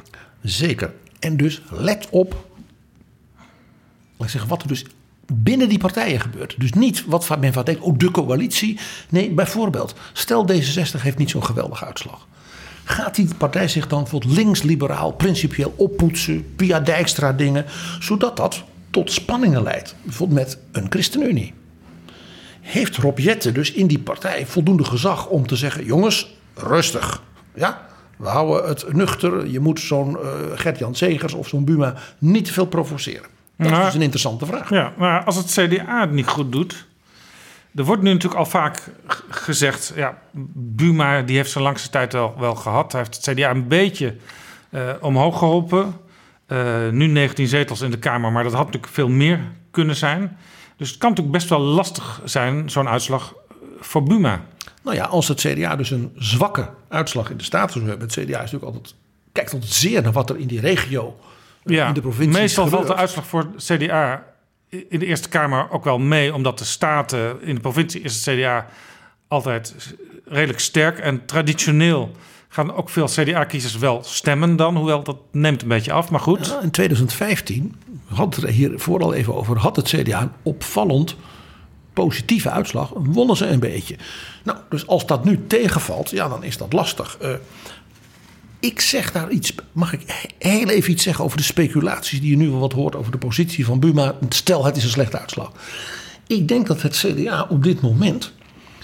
Uh, die, die hebben natuurlijk slechte ervaringen met gedoe rond het leiderschap. Of het dan met Brinkman was, natuurlijk de, het gedoe, om geen andere woorden te gebruiken, tussen de partijvoorzitter Marnix van Rij en Jaap de Hoop Scheffer. De spanning tussen Lubbers en Van Acht. Lubbers en Van Acht. Dat, daar heeft het CDA geen goede ervaringen mee. Dus ik denk dat de nieuwe partijvoorzitter en het nieuwe partijbestuur wat er nu zit... Uh, dat, die... dat is Rutger Ploem, de voorzitter, ja. dus opvolger van... Rut Peetoom. Die in... Opvolger van Rut Peetoom, die in Betrouwbare Bronnen 23 uitgebreid te horen is... en terugblikt op haar periode als CDA-partijvoorzitter. En ik denk dus dat ze in die partijtop, die nieuwe partijtop, nieuwe partijvoorzitter, dat men de zaak eerder wat zal willen laten, laten betijen. Uh, geen wilde dingen, uh, rustig met elkaar praten. Uh, want als je de indruk wekt met een statenverkiezing dat je een soort paniekerig ineens een leiderschapscrisis gaat doen, daar houden kiezers ook niet van, van dat soort onzekerheid. Dus ik zeg, die speculaties over ze hebben de positie van Buma, ik zou zeggen, wees wat voorzichtig. Maar dat is natuurlijk altijd verstandig in partijtoppen om matigend op te treden als er even een flinke val is van zo'n partij. En beter naar de lange termijn te kijken van hoe, hoe gaan we dat doen uh, wellicht in een volgende periode met het leiderschap. Nou, ook een puntje. ChristenUnie, de SGP, die staan als enige vrij aardig in die peilingen vanuit de coalitie. Uh, ja, als die zich versterkt voelen, dan konden ze wel eens ook gaan zich roeren tegen bijvoorbeeld Pia Dijkstra-achtige plannen van D66. Dus dat ook een, zou een bron van spanning kunnen zijn. Ja, Pia Dijkstra is heel interessant. Die roert zich een klein beetje, maar op een hele uh, beetje achtergrondachtige manier. Zij maakt nu een podcast. Hey, goed idee, een podcast maken. Waarin ze gesprekken voert met mensen over voltooid leven. Mooie gesprekken. Ze zegt zelf, ik, dat zijn gesprekken die ik ook al voer uh, zonder dat er een microfoon bij staat. Uh, daar blijkt uit, ze, ze, is nog niet echt het vuurtje aan het opstoken naar de coalitie van ga eens wat doen op dat terrein. Maar ze komt wel wat scherper in beeld, wat natuurlijk goed is voor de beeldvorming, naar de hardcore D66-achterban. Het is natuurlijk wel agenderend als je dat op die manier doet. En het kan dus zijn dat de ChristenUnie zich versterkt voelt uh, door de statenverkiezingen. Dat ze zegt van nou dat is prachtig die podcast van Pia's podcast. Uh, maar laat het vooral daarbij blijven. Maak er nog maar tien, weet je wel. Dus dat, dat, nou ja, en nog een dingetje in de VVD. Als de VVD dus geen mooie uitslag heeft. En ze had natuurlijk in 2015 ook 20% minder aanhang dan de keer daarvoor. Uh, gaat, ik zal maar zeggen wat ik maar noem, de Rita-vleugel. De verdonkianen die in de VVD, gaan die dan niet zeggen... ja, die Rutte, dat is toch... Uh, ja, nu verliezen we weer. Maar er is nog niet echt een gedood vette leider, hè? Want uh, Klaas Dijkhoff, de man van de proefballonnen... Die, die zakt juist weer wat in de achting van kiezers... als je peilingen lijst naar individuele politieke leiders reden te meer vaak dit soort ontwikkelingen dat er dus onrust en ongemak in zo'n partij is. En dat kan tot ongelukken leiden. De, kortom, mijn advies dus aan de lieve luisteraar is: kijk dus bij die statenverkiezingen. Wees niet te snel gebiologeerd op. Oh, dan valt het kabinet. Hè, en dat soort dingen. Want hè, de laatste keer dat dat gebeurde was in 82. Maar kijk vooral dus de dynamiek binnen partijen. die bijvoorbeeld zeggen van nou, we deden het wel aardig bij de laatste Kamerverkiezing bijvoorbeeld. En nu valt het toch erg tegen. En dus de spanning binnen partijen is bijna altijd interessanter en veelzeggender voor ze hebben wat er de komende jaren gaat gebeuren. Dan dus het soort plaatje rond de coalitie en de oppositie. En laat dit een interessant advies zijn aan het eind van deze recesweek. Waarin de accu's van onze politieke leiders, als het goed is, weer zijn opgeladen voor een nieuw seizoen op weg naar die statenverkiezingen van over een paar weken. En pas op, buig een beetje mee soms, maar niet te veel. Rustig aan, dan breekt het lijntje niet. Geldt voor de coalitie en voor de oppositie geldt. Doe toch zoveel mogelijk je best om er uh, zoveel mogelijk uit te slepen. Want er gaan dingen gebeuren die we nu nog niet kunnen overzien. Wees nuchter en laat u niet beduvelen door de mythologie van de dreiging van de statenverkiezingen. Kortom. Leven de statenverkiezingen, leven de Eerste Kamer. Zo is het, Jaap. Dit was Pieter Gerrit Kroeger. Dit is Betrouwbare Bronnen met Jaap Jansen. Ik ga praten met Dirk-Jan Omtzigt. Hij is historicus, econoom en wiskundige was onder meer vredesonderhandelaar in Zuid-Soedan en houdt zich nu voor de Verenigde Naties bezig met de grote problemen in oostelijk en zuidelijk Afrika. Dirk-Jan Omtzigt, welkom. Dankjewel. Uw officiële functie is hoofd informatie management en analyse van het UN Office for the Coordination of Humanitarian Affairs. Maar de afgelopen uh, tijd heeft u zich in Den Haag uh, bezig gehouden voor het Center for Humanitarian uh, Data. Uh, met een heel bijzondere opdracht. Kunt u daar iets over vertellen? Natuurlijk. Um, het Center for Humanitarian Data in, um, uh, in Den Haag, dat is een jaar geleden ongeveer opgezet, is de secretaris-generaal ook hiervoor naar Den Haag toe, voorgekomen. Um, die begint nu een, uh, het werk op het gebied van wat we noemen predictive analytics. Voorspellende analyse. Voorspellende analyse. normaliter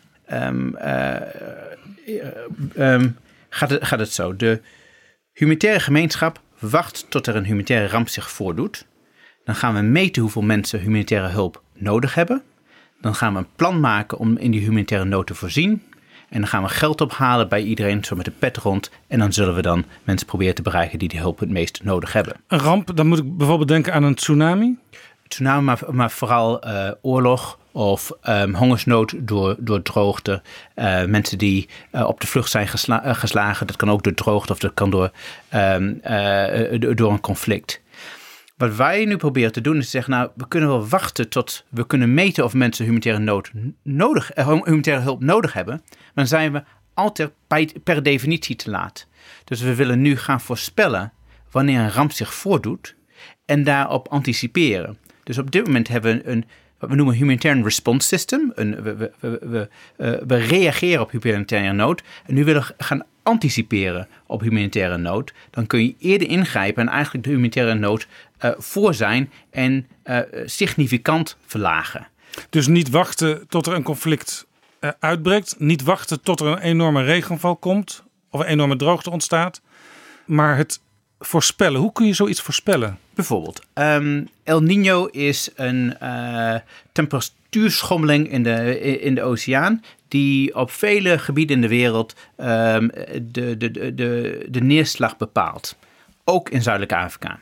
Als er een El Nino is, of een hoge kans op een El Nino, dan weten we dat dat een significante reductie heeft uh, in de neerslag in uh, het zuidelijk gedeelte van Zuidelijk Afrika. Want El Nino, dat is een algemene naam geworden. Hè? Dat is Ja. niet één eh, situatie, maar dat, dat komt vaker voor. Dat, dat komt vaker voor en dat is eigenlijk gelieerd aan een verhoging van de temperatuur in de, in de, in de, in, in de grote oceaan. Nou, ehm, als zich dat voordoet, of we weten dat het een hoge kans is, dan, en soms kunnen we dat voorspellen in september, oktober, dan weten we dan tussen november en april veel minder regen, minder regen is in Zuidelijk Afrika. En dat we dan in juni ehm, hongersnood hebben. Dat is eigenlijk zeg maar, wat we eh, vroeger op de middelbare school in de aardrijkskunde boekjes eh, geleerd hebben. Als er op de ene plek in de wereld een bepaalde situatie ontstaat, dan heeft dat effect op andere plekken in de wereld. Precies, precies. En ehm, dus wat we normaal het doen is zeggen, nou, we hebben een verhoogde kans op El Nino. Laten we gaan monitoren wat er gebeurt met de regen.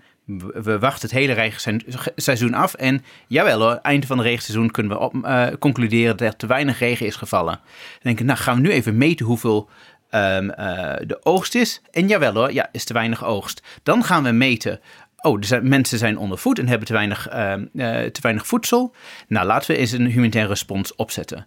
Wat we ook kunnen doen en zeggen, nou, er is zo'n hoge kans dat dit scenario zich voor gaat doen. Dit gaan we voor zijn. Als er in september gezegd wordt, er is een 80% kans van El Nino, dan gaan we nu ingrijpen. Want we weten als we dan eh, bepaalde zaden gaan verspreiden, als er dan een periode is dat er minder regen is, dan kunnen, kunnen mensen opnieuw hun veld beplanten. Ook al zijn die is gewas vergaan, dan kun je een, een korte, eh, dus een korte duurzaden, eh, kun je nog steeds 90, 95% van de oogst redden. Of je geeft ehm, wat we noemen fodder, eh, de, de, eh, eten voor, de, eh, voor het vee, zodat het vee niet, niet sterft. Dit klinkt, dit klinkt heel logisch.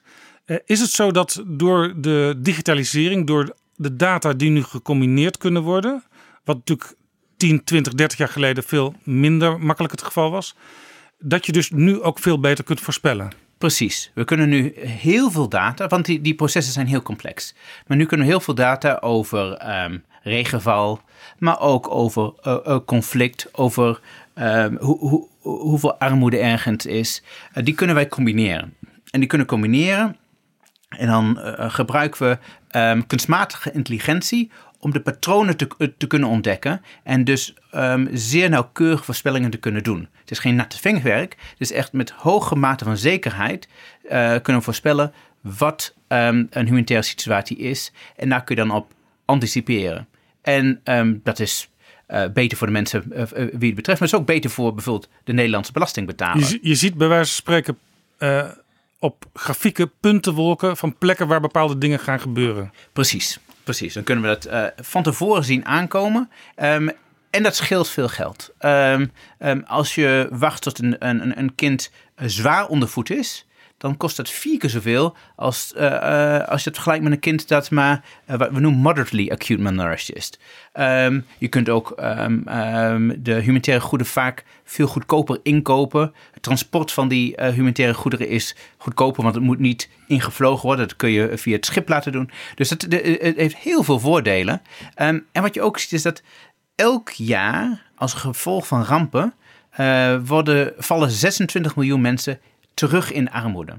Ehm, en als, als je dat, Is dat, is, dat, is dat elk jaar ongeveer hetzelfde aantal? dat, dat is een berekening door de Wereldbank dat er over, over, over een aantal jaren dat dat ongeveer het gemiddelde is dat, eh, dat, dat terugvalt in armoede. Dus willen wij de armoedebestrijding een, een, een dienst bewijzen en, en eh, gaan accelereren, moeten we zorgen dat mensen niet terugvallen in, ehm, in. Kijk, als iemand humanitaire nood heeft, heeft hij niet alleen dat jaar een probleem. Ehm, stel je voor, je bent een, een, herder en je hebt eh, eh, een aantal schapen of, of geiten. En als gevolg van droogte verlies je je, je, je, eh, je geit. Nou, ten eerste heeft je, Ja. familie dat, dat jaar een probleem, want heeft niets te eten. Je komt in maar armoede. maar je bent permanent armer. En dat is het probleem wat we, wat, wat we moeten, moeten gaan ondervangen. Ehm, dus het heeft een korte termijn cost-benefit, maar ook op lange termijn heeft het zeer grote positieve gevolgen voor, voor de armoedebestrijding. Ja, ik las ook een verhaal dat op een gegeven moment een herder die ziet, ik kan hier op deze plek niet blijven.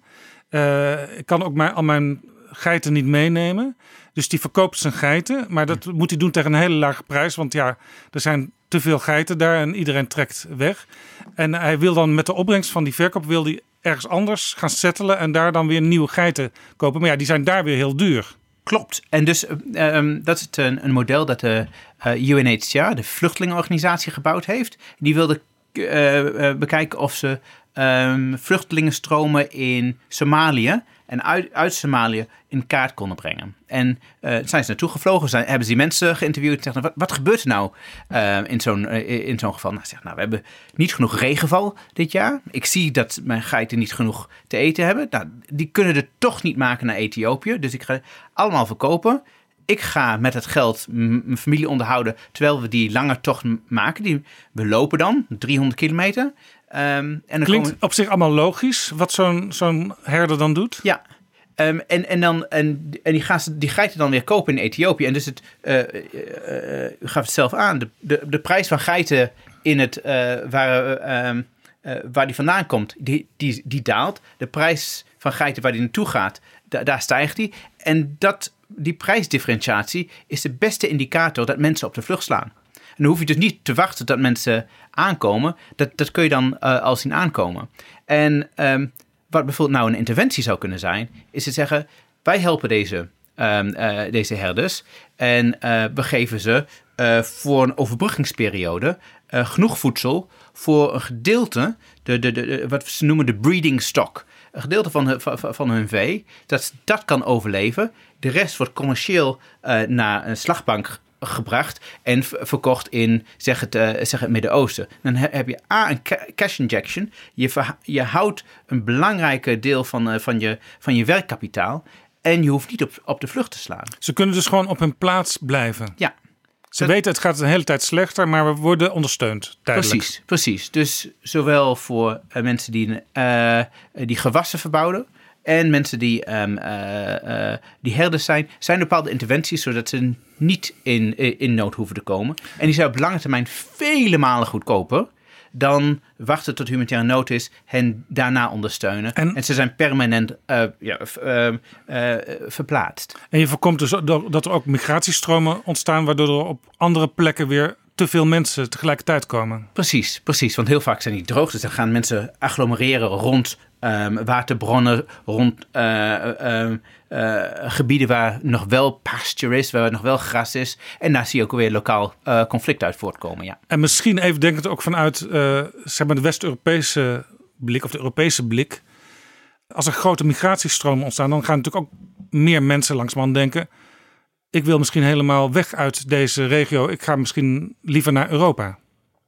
Dat zou ook kunnen. Dus... Uh, maar we zien eigenlijk in heel veel van deze uh, gebieden dat bijna alle vluchtelingen, uh, of nou als gevolg van klimaat of gevolg van conflict, in de regio worden opgevangen.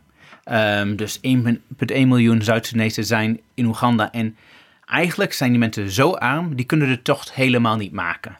Um, dus en die komen dan vaak ook in grote kampen bij elkaar te zitten, waar je ook niet heel vrolijk wordt. Um, sommigen komen in kampen te zitten, maar bijvoorbeeld in Oeganda. De Oegandese regering is zeer um, um, uh, verwelkomend naar, naar vluchtelingen toe. Dus daar krijgen ze toegang tot onderwijs, toegang tot gezondheidszorg.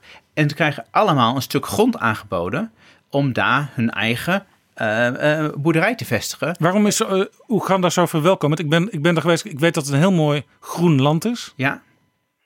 Um, uh, Museveni voelt zich solidair met... De president? ja, de uh, president Museveni voelt zich solidair met, met de mensen die, die op de vlucht zijn geslagen. En dan zie je een aantal staatshoofden in de regio die ook um, um, een soort gelijk iets hebben meegemaakt van dichtbij. En toch echt het gevoel hebben, wij moeten deze mensen ondersteunen probleem is vaak dat um, we hebben van die uh, eh, VN-appeals, dat we geld ophalen om, om dit proces te ondersteunen. Mensen zijn op de vlucht geslagen, zoeken werkelijk waar bescherming. Dat is uh, uh, wat het betekent om, om, een vluchteling te zijn. Um, maar die worden helemaal niet gefinancierd. Ik bedoel, die worden die hebben een financieringskort over het algemeen van zo'n 75 eh, procent. Dus ehm, zij zijn solidair. De armste landen in de, in de regio, Ethiopië, Oeganda, zijn solidair. Maar de solidariteit wordt dan niet eh, gedeeld uh, door, door de rijkere landen. En het kost eigenlijk heel weinig om deze mensen in die regio op te vangen. Ja, want Oeganda in dit geval doet al heel veel goede dingen. Ja. Dus in feite vanuit het Westen hoeven wij niet heel veel extra te doen. Het belangrijkste is gewoon dat er op dat moment de financiën komen. Ja, want ik bedoel, nou, het, opschalen van gezondheidszorg of extra waterputten slaan, dat kost natuurlijk geld. Mensen kunnen registreren en biometrische registratie opzetten, zodat je weet dat um, elke persoon er één is en dat geen dubbel uh, counting plaatsvindt. Um, dat kost natuurlijk geld. Dat is helemaal niet zoveel geld uh, per persoon. Ik bedoel, als een vluchteling naar Nederland komt, kost dat, ik denk, nou toch een honderdvoudig uh, iets. Dus is toch veel meer voor de hand liggend. Als je het hebt over opvang in de, in de regio, moet je opvang in de regio ook gaan financieren. Dat lijkt mij dan het minste wat je kunt doen. Ja, dus een, een van de dingen, gewoon eigenlijk puur ook gegeneerd vanuit het, het, het westerse belang is. Als je met artificial intelligence uh, patronen ziet. Ja. En dus dingen kunt voorkomen of in ieder geval op tijdig kunt uh, tegemoetkomen als probleem. Uh, dan bespaar je uiteindelijk ook nog heel veel geld. Ja, dat klopt. Dat klopt. Um, en we denken dat de besparingen in de orde van grootte van een derde van het budget. Um, en dat is um, altijd goed. maar op dit moment hebben we de hoogste financiële, humanitaire financiële nood ooit. Uh, we hadden vorig jaar 24,9 miljard dollar nodig. En dit jaar zullen we uh, meer dan dat nodig hebben. Um, en het komt eigenlijk door het uh, ontstaan van een aantal megacrises. Crisis waarvoor we meer dan 1 miljard dollar per jaar nodig hebben. Daar hebben we, in 2014 hadden we nog maar drie, nu hebben we acht me me megacrisis. Uh, dat is het eerste en tweede. Ja, want het was een, een record hongersnood in, in, Hoorn van Afrika. Um, uh, nou, vorig jaar hadden we eigenlijk een, een, een probleem in, in vier landen. Ja. Uh, um, uh, waar we waren bang dat de zogenaamde famine, de hoogste categorie, de catastrofale categorie van hongersnood, zich voor zou doen in Nigeria, um, Zuid-Sudan, Somalië en Jemen. Dat hebben wij kunnen voorkomen door grootschalig in te, grijpen.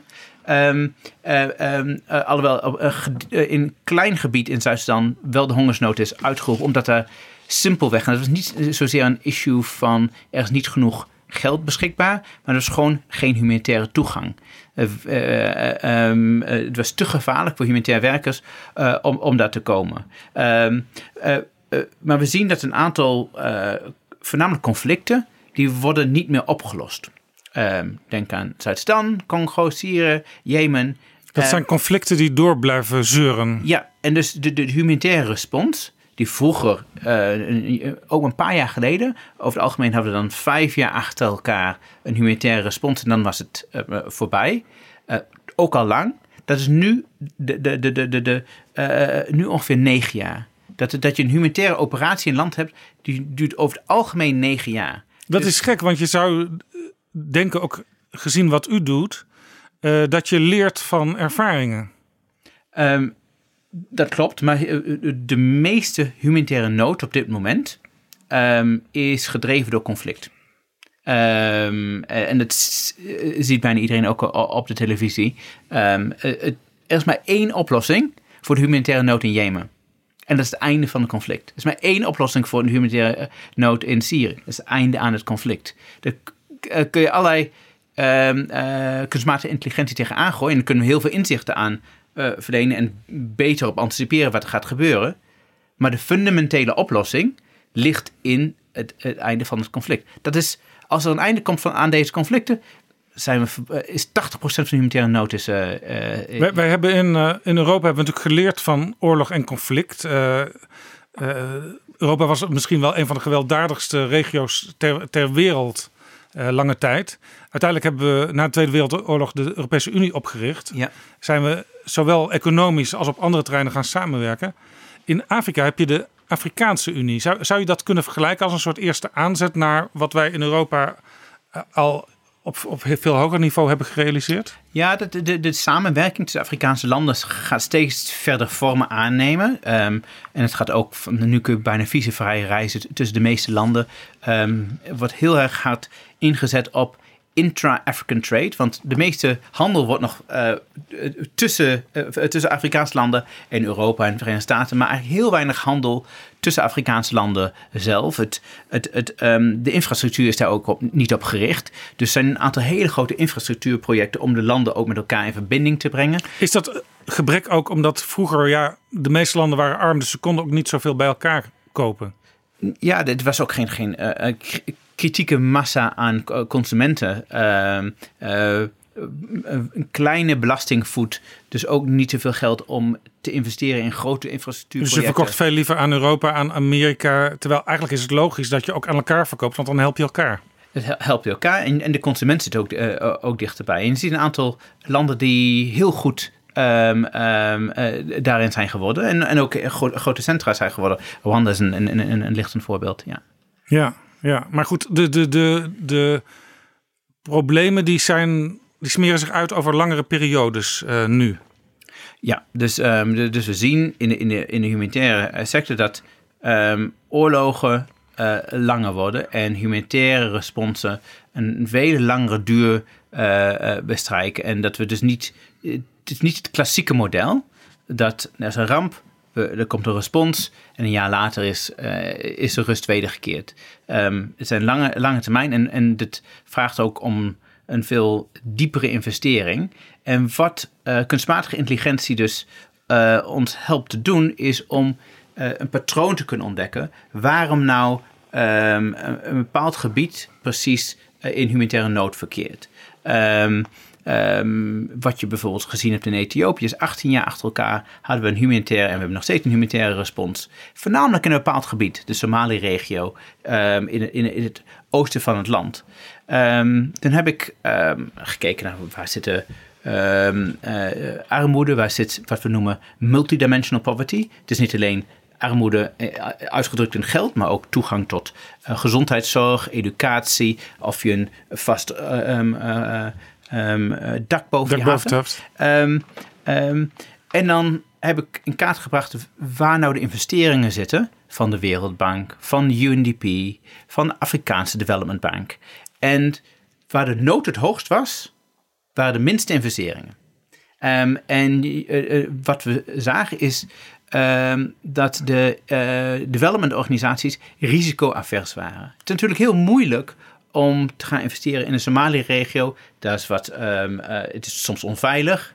De bevolkingsdichtheid is redelijk laag. Een van uh, even een paradox van, van, van bevolking. Dus je hebt uh, te veel bevolking om uh, mensen helder te laten zijn, maar te weinig om economische um, uh, structuur te, te, te, ontwikkelen. Ja, en, en, je, en je denkt als hulporganisatie, um, ik kan daar, we, we kunnen daar al heel moeilijk aan de gang gaan. En als je er bent, dan is het ook nog heel moeilijk functioneren. Dus laten we eerst onze energie maar richten op andere plekken. Precies. En dus wat we gezien hebben is heel veel landen. In noordelijk Nigeria heb je dat gezien. In, uh, uh, in Ethiopië heb je gezien. In noordelijk Kenia heb je gezien. Er wordt de periferie wordt, uh, gemarginaliseerd. Um, en het heeft, dan zie je diepe armoede. Um, en ook hele grote horizontale verschillen. In, in Kenia, uh, rond, rond Nairobi, waar ik woon, armoede is, is rond, onder de 20%. In de noordelijke vier regio's is het boven de 80%. Um, en dat heeft niet alleen een gevolg voor uh, dat je uh, regelmatig humanitaire nood daar hebt en echt hele hoge um, uh, malnutrition, dat je de, de ondervoeding mm -hmm. van kinderen. maar je ziet natuurlijk ook dat daar een, een voedingsbodem is voor uh, uh, instabiliteit, voor, voor terrorisme, um, et cetera. Maar dat, dus, dat ziet u dus, en dat ziet u scherp omdat u die, die cijfers, die gegevens combineert. Uh, maar dan is het nog steeds zo dat die organisaties liever niet naar die gebieden toe gaan. Maar wat we nu zien is dat, um, dat een samenkomst is van waar humanitaire nood is en waar mensen nog arm zijn. Um, we, we, denken nu naar, naar, dit gesprek, dat is wel heel erg uh, uh, gloomy in de wereld. Maar we, zijn, we hebben nog nooit zo weinig mensen gehad die arm zijn. Het, het, het, het percentage armen in de wereld is onder de 9%. Nou, dat was kort voor, eh, in de jaren 90 was het boven de 30 procent. Enorme vooruitgang hebben wij geboekt. Ja, Eh, ja het gaat slecht, maar eigenlijk gaat het eigenlijk vergel- vergelijkenderwijs gaat het heel goed. Het gaat heel erg goed. Maar die arme mensen zijn steeds meer geconcentreerd in een aantal landen. Steeds meer geconcentreerd trouwens op het ehm, Afrikaanse continent. Waar nu 70% van alle armen eh, wereldwijd wonen. En het Afrikaanse continent is, ja, het aantal armen relatief daalt. Maar absoluut stijgt het. Door, de- door, door de bevolkings, eh, bevolkingsdruk. Ja, vroeger Dus- had je natuurlijk Azië, vroeger had je Latijns-Amerika, waar ook veel armoede was. Dat is voor een groot deel verdwenen. Dat is nou eigenlijk van een heel groot deel verdwenen. En over eh, ehm, 12 jaar dan is het eh, 80, 90 procent van de armen wonen gewoon in Afrika. Dat is, dat is dus het probleem. als we de wereld willen verbeteren, dan moeten we ons richten op Afrika. Ja, en, dan, en ook zijn ze nog geconcentreerd in eigenlijk een, een, een land of tien. Nigeria, DRC, Ja. Zuid-Sudan, eh, Malawi. We hebben een aantal landen waar gewoon die armoede heel hardnekkig is. En het zijn vaak ook de, eh, eh, de landen waar we humanitaire nood hebben. Dus we moeten daar ook dan gaan investeren in de onderliggende factoren. Zodat we zowel armoedebestrijding doen en zorgen dat we niet continu een humanitair apparaat op gang houden. Dat eigenlijk niet ehm, eh, een oplossing is. Maar u Dat zegt, de grootste, u zegt in, in, in die landen is vaak de grootste onderliggende factor eh, conflict onderling. Dat is ook het, min- het minst makkelijk te bestrijden, lijkt mij. Ehm, en dan, dan wordt, wordt de vraag: wat is de oorzaak van dat conflict? Ehm, en dat kun je.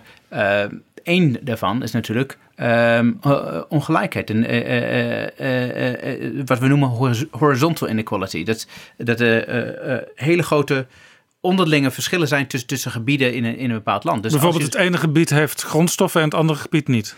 Dat bijvoorbeeld. Ehm, of, of gebieden dus waar ik net over had, aan de periferie, waar we, die niet geserviced zijn, die niet meegedaan hebben met de, met de investeringen. Dus ehm, wat we proberen nu te doen, is een model in kaart te brengen om A te kunnen zien.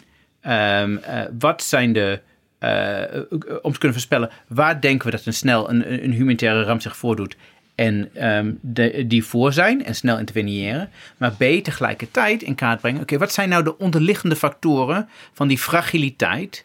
En zorgen dat de grote spelers, de Wereldbank, UNDP, die tegelijkertijd gaan oplossen. Ehm, en op die manier vallen deze twee agendas samen. En dat wordt dus gevoed door, door, door, door de toevoeging van ehm, kunstmatige intelligentie.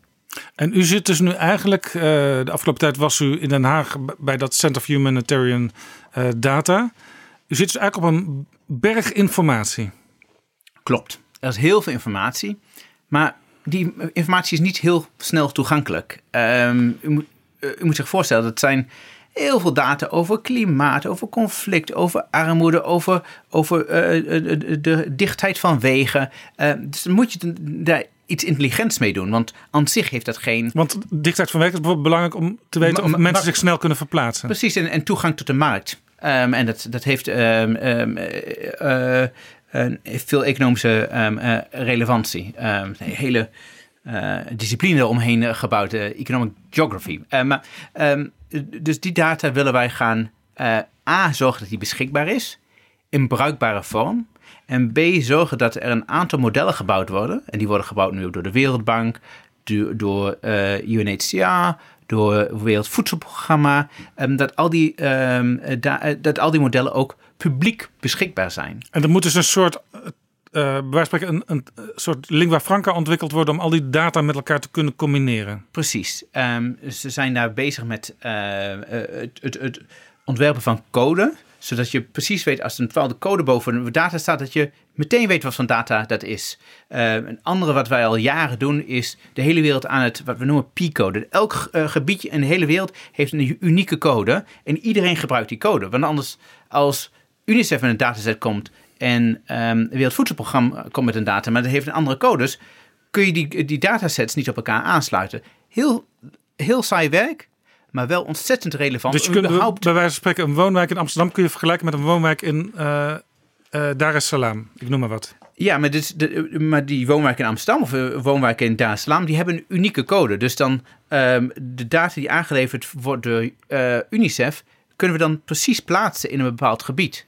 En je Ehm, kunt dus ook kijken, hier is de, het gemiddelde inkomen zo hoog, daar is het gemiddelde inkomen zo hoog, daar is eh, zoveel droogte, daar is zoveel warmte, et cetera. Dat kun je allemaal naast elkaar leggen. Precies, precies. En ehm, dus om die datarevolutie, d- om daar op te eh, kapitaliseren, moet die data wel heel goed eh, aanwezig zijn.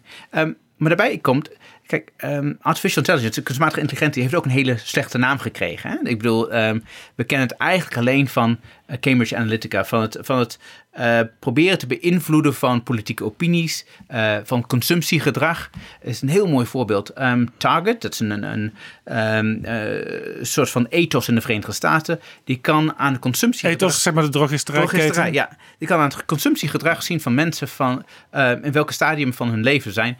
En al voor je het zelf weet, weten of je zwanger bent. Dus, Ja, dus ik, ik, heb van, ik heb zelfs ook van, van vrouwen gehoord die inderdaad al pakketjes bij wijze van spreken thuisgestuurd kregen in verband met zwangerschap, terwijl ze zelf nog niet eens door hadden dat ze zwanger waren. Precies, precies. En dat gebeurde ook.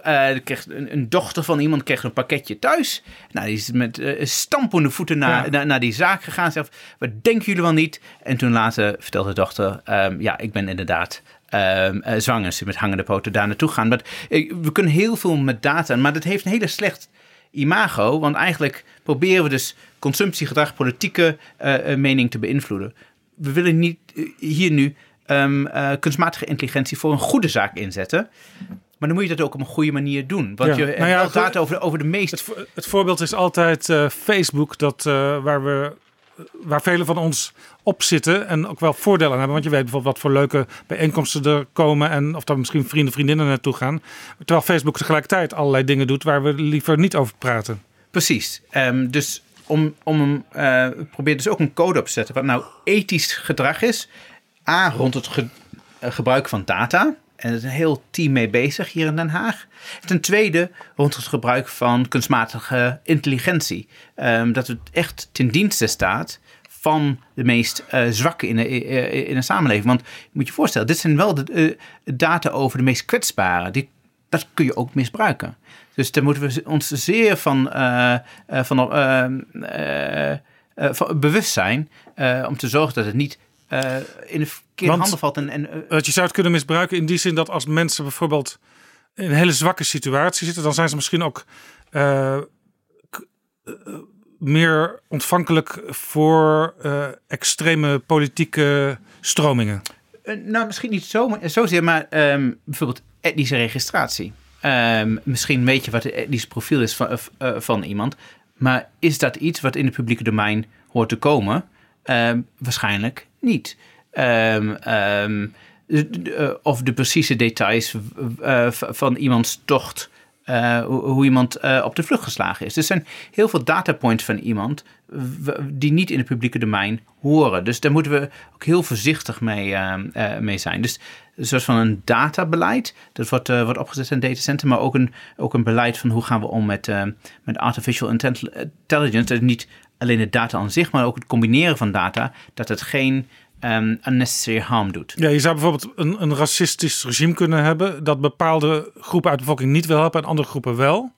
Op basis van dit soort cijfers. Ja, en dat, dat, dat moet je dus, eh, dus zeer zeker eh, voorkomen. Ja, maar soms heb je dus bepaalde cijfers ook wel weer nodig om toch bepaalde patronen te ontdekken.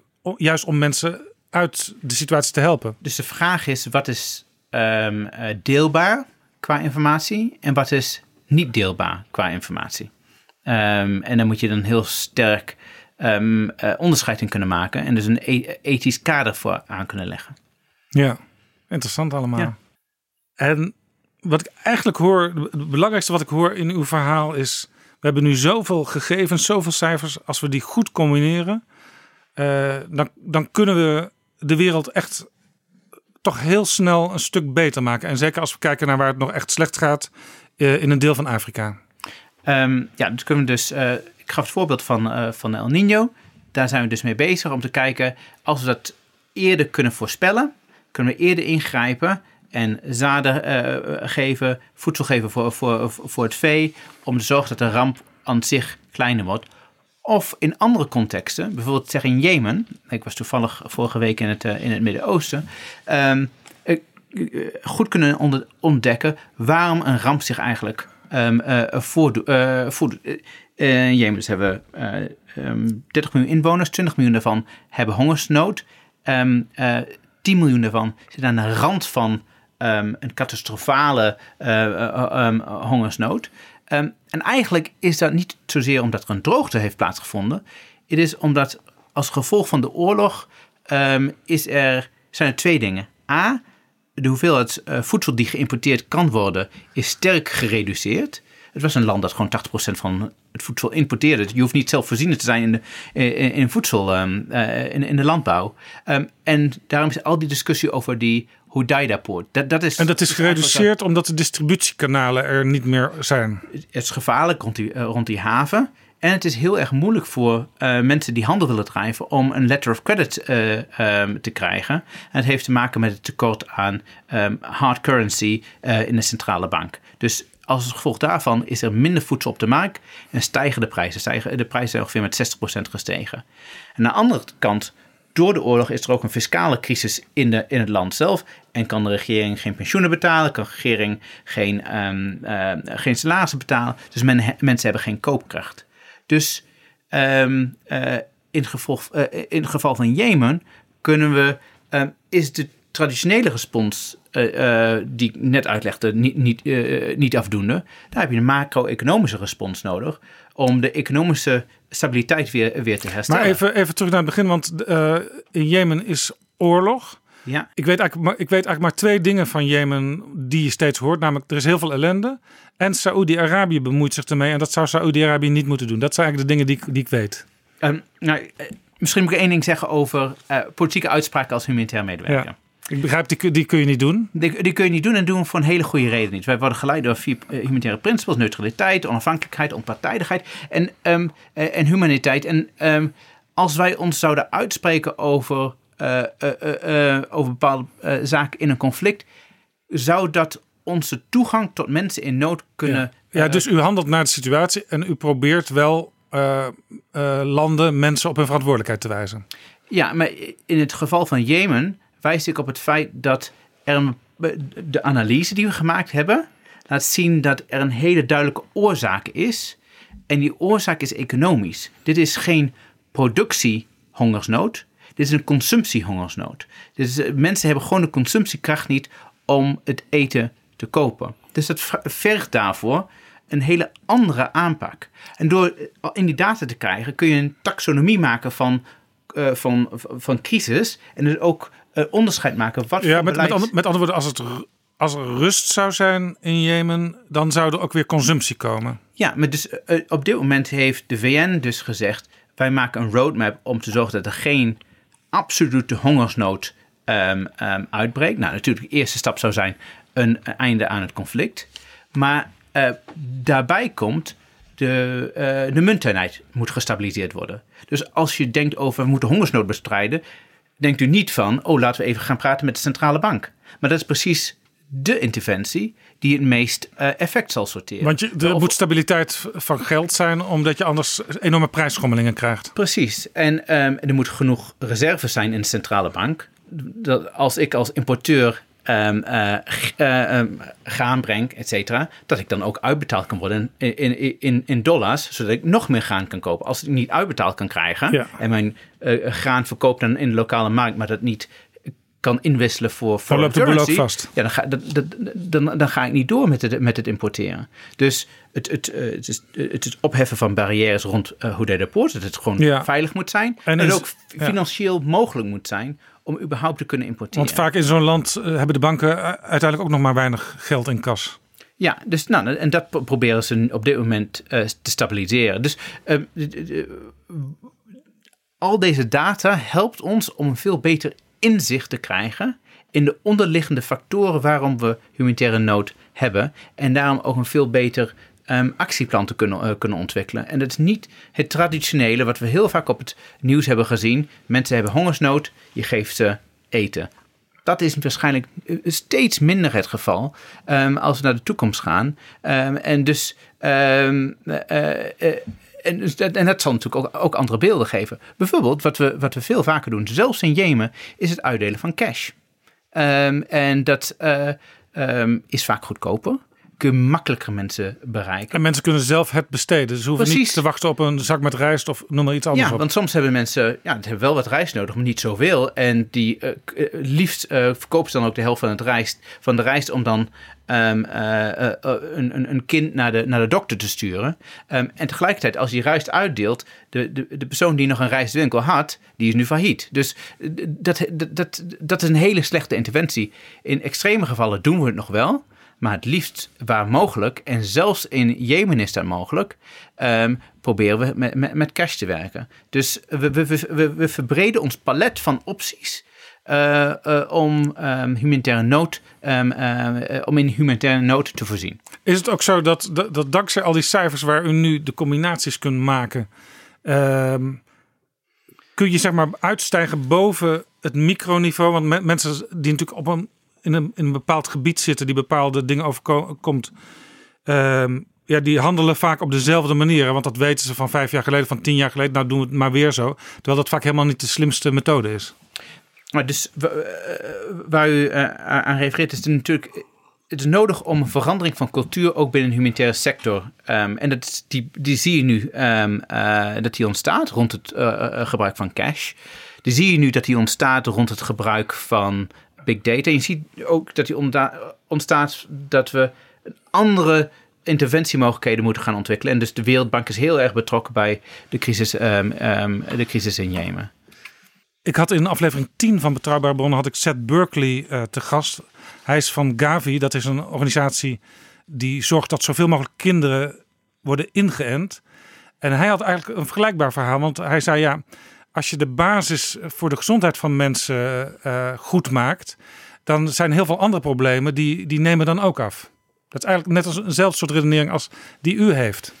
Wat, eh, precies, en wat je eigenlijk ehm, ziet is dat ehm is een andere denkwijze nodig. En eh, binnen de humanitaire sector hebben we vaak heel ehm, lineair gedacht. Je hebt mensen die hebben humanitaire hulp nodig, die zitten in een bepaald gebied en die breng je precies wat ze nodig hebben. Dus ze hebben eh, onderdak nodig, breng je ze iron roofing. Ze hebben eten nodig, dus je geeft ze geld. Wat we nu aan het doen zijn, is kijken wat is het systeem dat leidt dat deze persoon in humanitaire nood is. En gaan we systematische oplossingen vinden. En nou, vaak is het gebrek aan een goed en goed functionerend gezondheidssysteem. Vaak is het het- macro-economisch is er, is er instabiliteit. Eh, dat pak je aan. Dus we zijn veel systematischer bezig en ma- maken een systeemanalyse van het probleem instead, in plaats van een soort van lineaire analyse. Je eh, doet een assessment van wat de nood is eh, van een persoon en in die nood, die specifieke nood, ga je dan ook voorzien. Ehm, en dan bouw je dus een, een parallel systeem van eh, een delivery daar- daarvan. Dus je, en daar komen we nu langzamerhand van terug.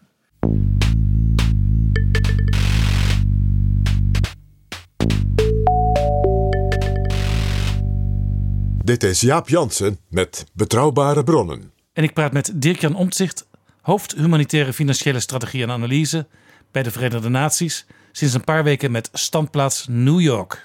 Ik vind dit een heel erg interessant verhaal. Eh, maar u heeft nog meer interessante eh, dingen gedaan in het recente verleden. Een van de fascinerendste dingen die u heeft gedaan. U was vredesonderhandelaar. U was adviseur van de regering van Zuid-Soedan. Eh, Zuid-Soedan eh, begon in 2011 als onafhankelijk land. Na 22 jaar burgeroorlog. U was daarbij. Wat deed u daar? En hoe kwam u daar? Misschien moet ik daarmee beginnen. Uh, ik, uh, nadat ik gepromoveerd ehm, uh, ik heb een promotie afgemaakt aan de universiteit in economie. En wilde heel graag in um, internationale hulp um, en internationale uh, diplomatie werken. En ik kwam terecht in Zuid-Sudan. Eerst als economisch adviseur van uh, de donoren. De donoren werkten allemaal samen. Dus um, ik gaf hun advies over het, de opbouw van het land. maar toen uh, was er een referendum over onafhankelijkheid. En alle programma's werden opgebouwd alsof het geen probleem zou opleveren. Het was een referendum met een extreem positieve uitslag voor die onafhankelijkheid. Hè? Ja. Ruim boven de 90 procent. Ja, dus 99 procent. Ik bedoel, dit is, dit komt na de langste burgeroorlog in Afrika. 22 jaar werd het eh, Comprehensive Peace Agreement getekend in 2005. En daarin staat een optie om na een zogenaamde interimperiode te kiezen in een referendum voor onafhankelijkheid voor Zuid-Sudan. Nou, dat hebben ze. Ja, misschien om even een beeld te schetsen. Misschien zeg ik het niet helemaal goed, maar ik heb begrepen dat Soudaan was vooral Arabisch en Zuid-Soedan, eh, dat is meer een zwarte bevolking. En daar, daar is dus al een soort etnische of culturele eh, verschillen zijn daar. En dat maakt ook dat ze tegenover elkaar stonden lange tijd. Klopt. Ehm, ehm, het is een he- hele complexe eh, ehm, eh, problematiek. Ook heel veel van de eh, gevechten waren niet alleen van, tussen het zuiden en het noorden, maar ook onderling tussen het zuiden. En dat is eigenlijk de oorsprong geweest ook van de, van de recente eh, oplading van, lading van het geweld. Ehm, maar ik dacht dat we preventief diplomatie moesten ehm, eh, toepassen. Ehm, en toen heb ik een brief geschreven naar de toenmalige president, eh, nog steeds president van, van Zuid-Sudan. Ik zeg, nou, als je het volgende weet over, eh, eh, over internationaal recht, eh, onderhandelingsstrategie en, en economie, dan kun je een succesvolle afscheiding uitonderhandelen. Ehm, een soort van positiepaper. Eigenlijk, het grappige is, u, in uw voor, het vorige deel van dit verhaal vertelde u hoe, hoe cijfertjes bij elkaar brengt.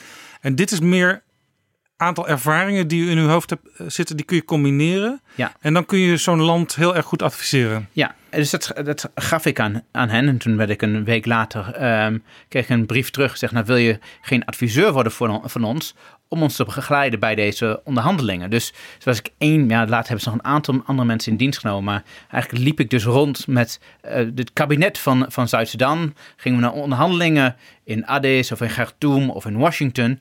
Om te kijken ehm, hoe we een, een, een stabiele afscheiding konden, konden uitonderhandelen. En u Eh, was daar als, zeg maar, eh, opgegroeid als jongetje in, in het oosten van Nederland. U was daar ineens als enige buitenstaander, zat u daar midden in dat proces. Ja, een, heel aantal andere buitenstaanders zaten erbij, maar ik zat de hele tijd bij. Dus heel vreemd. Dan moet je, ik ben niet, mensen kunnen niet zien eh, op de radio, maar ik ben helemaal niet zo heel groot van postuur. En de Zuid-Sudanezen zijn enorm lang. En die zijn ook eigenlijk het meest ja, heel donkere mensen. eh, eh, eh, Ja. Dus dat was een heel, heel grappig gezicht. En eigenlijk was ik... En u bent niet heel donker. Nee, nee, nee, nee, ik kom gewoon uit Twente. Ehm, dus, ehm, en eerst was ik alleen adviseur op het ge- gebied van, van economie. Het ging over de verdeling van de olieopbrengsten ehm, en de verdeling van de staatsschuld. Hoe doe je dat nou? Ja, even voor het Afrika? beeld. Zuid-Soedan had veel olie. Die had de olie en de, de pijpleidingen liepen door Noord-Sudan. Dus, dus, dus, Dus je bent van elkaar afhankelijk. Precies. En dus er moest een formule ge- eh, gevonden worden dat ehm, de olie van Zuid-Sudan was, maar tegelijkertijd een redelijke pijplijnfee gegeven kon worden aan Noorden, ook om het Noorden te, eh, fiscaal te kunnen stabiliseren. Want als je van de ene op de andere dag al je olieinkomsten kwijt bent, dan zal het ook destabiliserend werken op, ehm, eh, op Noordelijk Sudan. Sudan zodat we, Ja, eh, klinkt allemaal heel logisch. eh, het probleem dat we nu zien, ehm, dus in, in Sudan, het, het, het, die onrusten zijn gevolg van een fiscaal tekort. En het feit dat ze de subsidie op ehm, benzine en op brood. Ja, fiscaal bedoelt u eigenlijk in de eh, Engelstalige zin van het woord. Hè? Dus eh, financieel tekort. Financieel tekort Ja. van de overheid. Ja. Ehm, dus we probeerden op dat moment een, een, een- een formule te vinden om een redelijke verdeling van, de- van de olieinbrengsten, eh, eh, inkomsten, zodat beide landen een, een, een, een stabiele basis hadden om financieel eh, te kunnen bestaan. Maar ja, als je de enigste bent, dan word je op een gegeven moment overal bij betrokken. Dus toen, ik was betrokken bij het eh, onderhandelen van een uh, staak het vuren, van het demarkeren van, van de grens. Ehm, op een gegeven moment zelfs meegeholpen met het ontwerp van de, van de munteenheid. Dus bij zag- elk probleem werd geroepen, die slimme Twent moet erbij. nou, ik, ja, of in ieder geval, ik zat erbij. Ik weet niet of ze dat, zei die Twente, nou moet erbij gaan halen. Maar daar zat ik in ieder geval bij. En het was heel, heel erg interessant. En, maar de, de insteek was hetzelfde. Je kunt, als je vooruit denkt, kun je problemen proberen te, eh, te, te ondervangen. En, ehm, en, en dat hebben we op dat moment eh, gepoogd te doen. En u hebt ook, begreep ik uit eh, eerdere verhalen van u, dat eh, ervoor gezorgd dat eigenlijk ze van elkaar doorkregen dat het veel prettiger is als je elkaar een beetje ruimte geeft, als je begrip voor elkaars situatie hebt.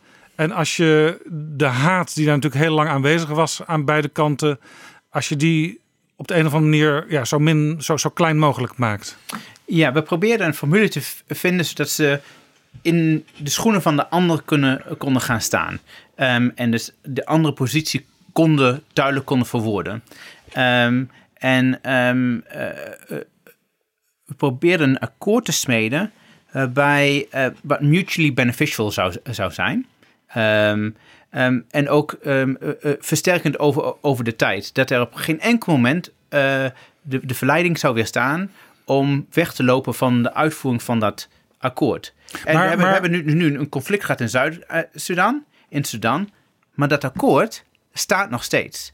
Omdat het in niemands interest is om, eh, eh, eh, om, om het akkoord te breken. En dat is een hele belangrijke heel belangrijk aspect van een vredesakkoord. Vaak wordt een vredesakkoord wordt, geschreven alsof het een, ehm, eh, een contract is. Het heeft een, is wettelijk bindend. Ja, dit zijn de grenzen. Maar, maar, ja, maar het is ook, ook, ook een legal document. En omdat het een legal document is, is het bindend. Nou, dat weerhoudt niemand ervan om, een, om, om zo'n contract te breken. Je moet zorgen dat het altijd het uitvoeren van het contract een betere optie is als het niet uitvoeren van, van, van zo'n vredesakkoord. En je moet dus uh, uh, kijken wa- wat de incentives zijn van beide Ja. partijen om het, blijven, uh, om het te blijven uitvoeren. Even voor, mijn, even voor mijn begrip, Zuid-Soedan heeft dus olie en ook Ja. andere grondstoffen. Eh Soedan zelf heeft niet zoveel olie. Wat is dan het, het voordeel van eh, Zuid-Soedan om Soedan toch eh, tevreden te houden?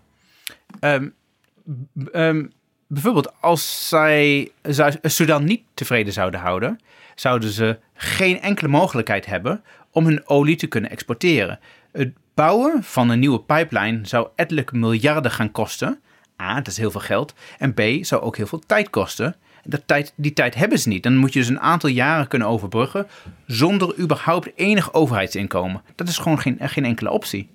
Dus dat is de enige eh, werkbare eh, eh, module was om, een, om, om tot een vergelijk te komen over een redelijke, redelijk niveau van ehm, pipeline fees. Ja, u heeft ergens in dat proces, toen de partijen nog bij elkaar moesten komen, heeft u geadviseerd aan Zuid-Soedan: stop de olieproductie, want dan worden ze daarboven worden ze, worden ze arm in Soedan. Dat heb ik niet geadviseerd, maar op een gegeven moment in het onderhandelingsproces is er door de Zuid-Soedanezen besloten: ehm, eh, er is geen enkele optie meer open voor ons, want eh, ehm, eh, behalve het sluiten van de, van- van de olievelden. Dat kwam omdat op dat moment Sudan, ehm, omdat, omdat er nog geen overeenkomst was over de betaling van de, van de pipeline fees, Sudan die nam de olie in beslag. Heel goed voorbeeld. Wat is dan nog überhaupt de, incentive om te, blijven exporteren als je weet dat je nul daarvan ziet in, in geld en alles wordt ingenomen door Sudan, dan, dan mag Zuid, kan Zuid-Sudan net zo goed de olievelden sluiten. Dat is precies wat je gezien hebt. En toen werd, eh, werd de druk ehm, opgevoerd op beide kanten. Want eh, een soort van eh, war of attrition. Kijken wie het eerste zonder geld kwam te zetten. En dat eh, gaf natuurlijk wel eh, een hele hoge druk op het onderhandelingsproces. waar, die, waar die vroeger niet was. Die sluiting van de, van de, van de olievelden.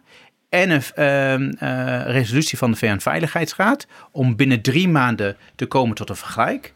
heeft er toen geleid dat letterlijk op de avond van die drie maanden zaten we boven in een hotel en hebben op een servetje hebben we de pipeline fees uitonderhandeld. En dat was de basis van het, eh, van het akkoord. Ja, prachtig verhaal. U, u zei net, eh, het, het grote vredesakkoord, dat staat nog steeds. Eh, u bent er nu alweer een tijdje niet meer direct bij betrokken bij dat proces. Maar er, er is nog steeds wel een slechte situatie daar hè, op dit moment. Dat klopt. Ehm, ehm, eh, ik zei net dat ehm, eh, een heel groot gedeelte van het conflict tussen ehm, 1983 en 2005 eigenlijk interne strijd was. En die leidde, dit, eh, dit akkoord werd getekend in september 2012. Eigenlijk werd het niet uitgevoerd en werd een implementatiematrix, zoals het heet, in maart 2013 eh, getekend. Ehm, en, Een implementatiematrix. waarin de volgorde van alle maatregelen eh, in, in het, eh, in het eh, vredesakkoord ehm, per datum uitgewerkt Ah, ja. werd en ehm overgegaan werd tot de echte uitvoering daarvan. Dus in die zin wel controleerbaar, want je weet op die datum moet dat gebeuren. Precies, precies.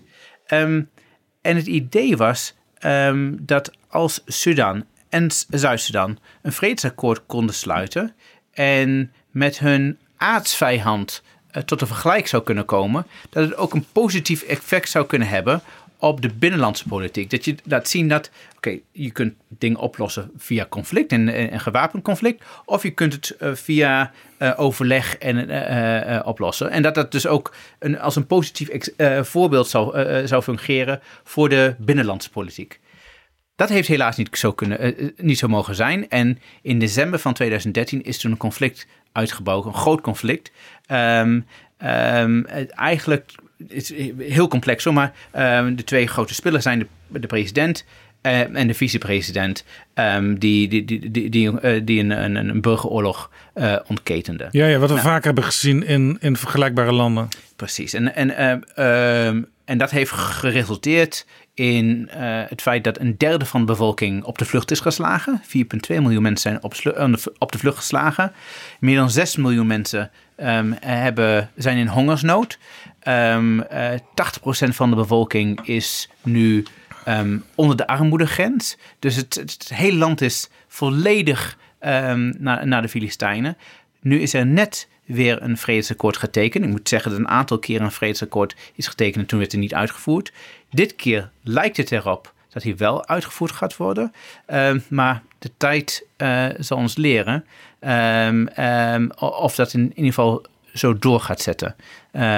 De eerste signalen zijn goed, maar de, de, de, de, de, de, eh, ravage in het land is, is, is, is, is, groot. En ook al is op dit moment vrede, ik de, de, het ripple effect van zoveel jaar oorlog op de bevolking, betekent dat, eh, dat het niet zomaar terugkeert naar de status quo. Mensen zijn op de vlucht geslagen, zijn alles kwijt, infrastructuur is kapot.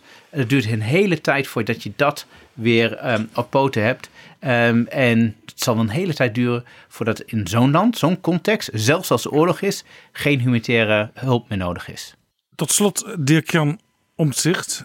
U heeft verteld over hoe je op basis van verzamelde gegevens, cijfers, combinaties kunt maken, waardoor je dus eh, rampen kunt voorzien en ook de maatregelen tijdelijk al kunt nemen. Eh, u heeft verteld over uw betrokkenheid bij eh, Zuid-Soedan in het recente verleden. Eh, u staat dus in uw werk midden in ja, hoe maak je de wereld beter, om het maar, maar even zo te zeggen. Ik kwam in de archieven kwam ik een, een, een woedend artikel van u tegen uit de Volkskrant van 2012. Een opinieartikel. Dat was bij de verkiezingen. En de VVD die had voorgesteld het budget voor ontwikkelingssamenwerking met driekwart te verlagen. Toen 3 miljard eraf. U noemde dat toen in dat stuk een ordinaire bezuiniging. Uh, maar u had toen ook argumenten daarbij. Hè? Het probleem is vaak als het over ontwikkelingssamenwerking gaat. Het gaat er in de media niet zo vaak over, omdat mensen het een beetje saai onderwerp vinden. Nou is het op de manier zoals u erover praat, is het allerminst saai. Uh, maar de VVD die zei toen, ontwikkelingssamenwerking heeft uiteindelijk uh, geen resultaat. Uh, je kunt het niet goed controleren, er is geen goede boekhouding. En eigenlijk is het ook helemaal geen taak van de overheid. En u had daar toen een aantal argumenten die u daar tegen inbracht. Eigenlijk zeg ik, uw hele verhaal tot nu toe is al één groot argument. Om juist wel op een bepaalde manier aan ontwikkelingssamenwerking te doen.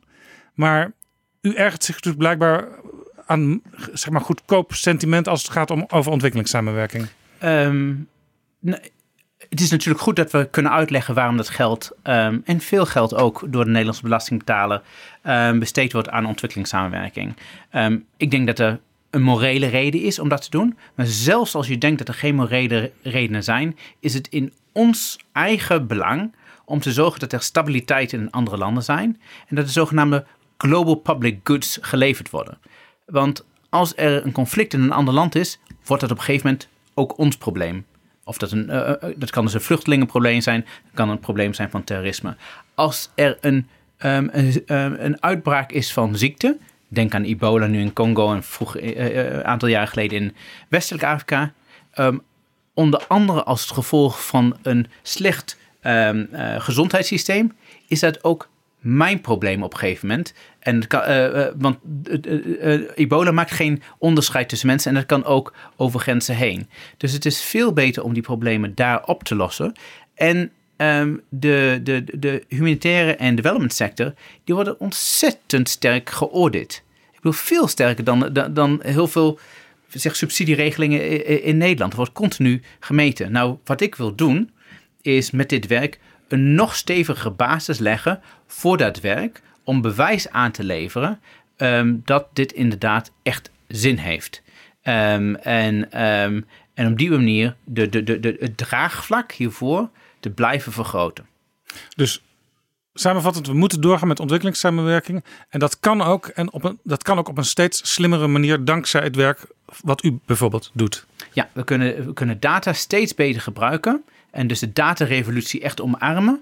Om eh, steeds beter A, de personen te, te, te, te, te bereiken die het meest nodig hebben. En, en B, die interventies plegen die ook het meeste in, impact hebben. Ehm, eh, en die zijn specifiek voor elke, elke crisis. En op die manier proberen we om over het algemeen de humanitaire nood en stabiliteit, eh, humanitaire nood te verlagen en stabiliteit van de wereld te vergroten. Dirk-Jan Omtzigt, dank u wel voor dit interessante gesprek. Graag gedaan. En veel succes.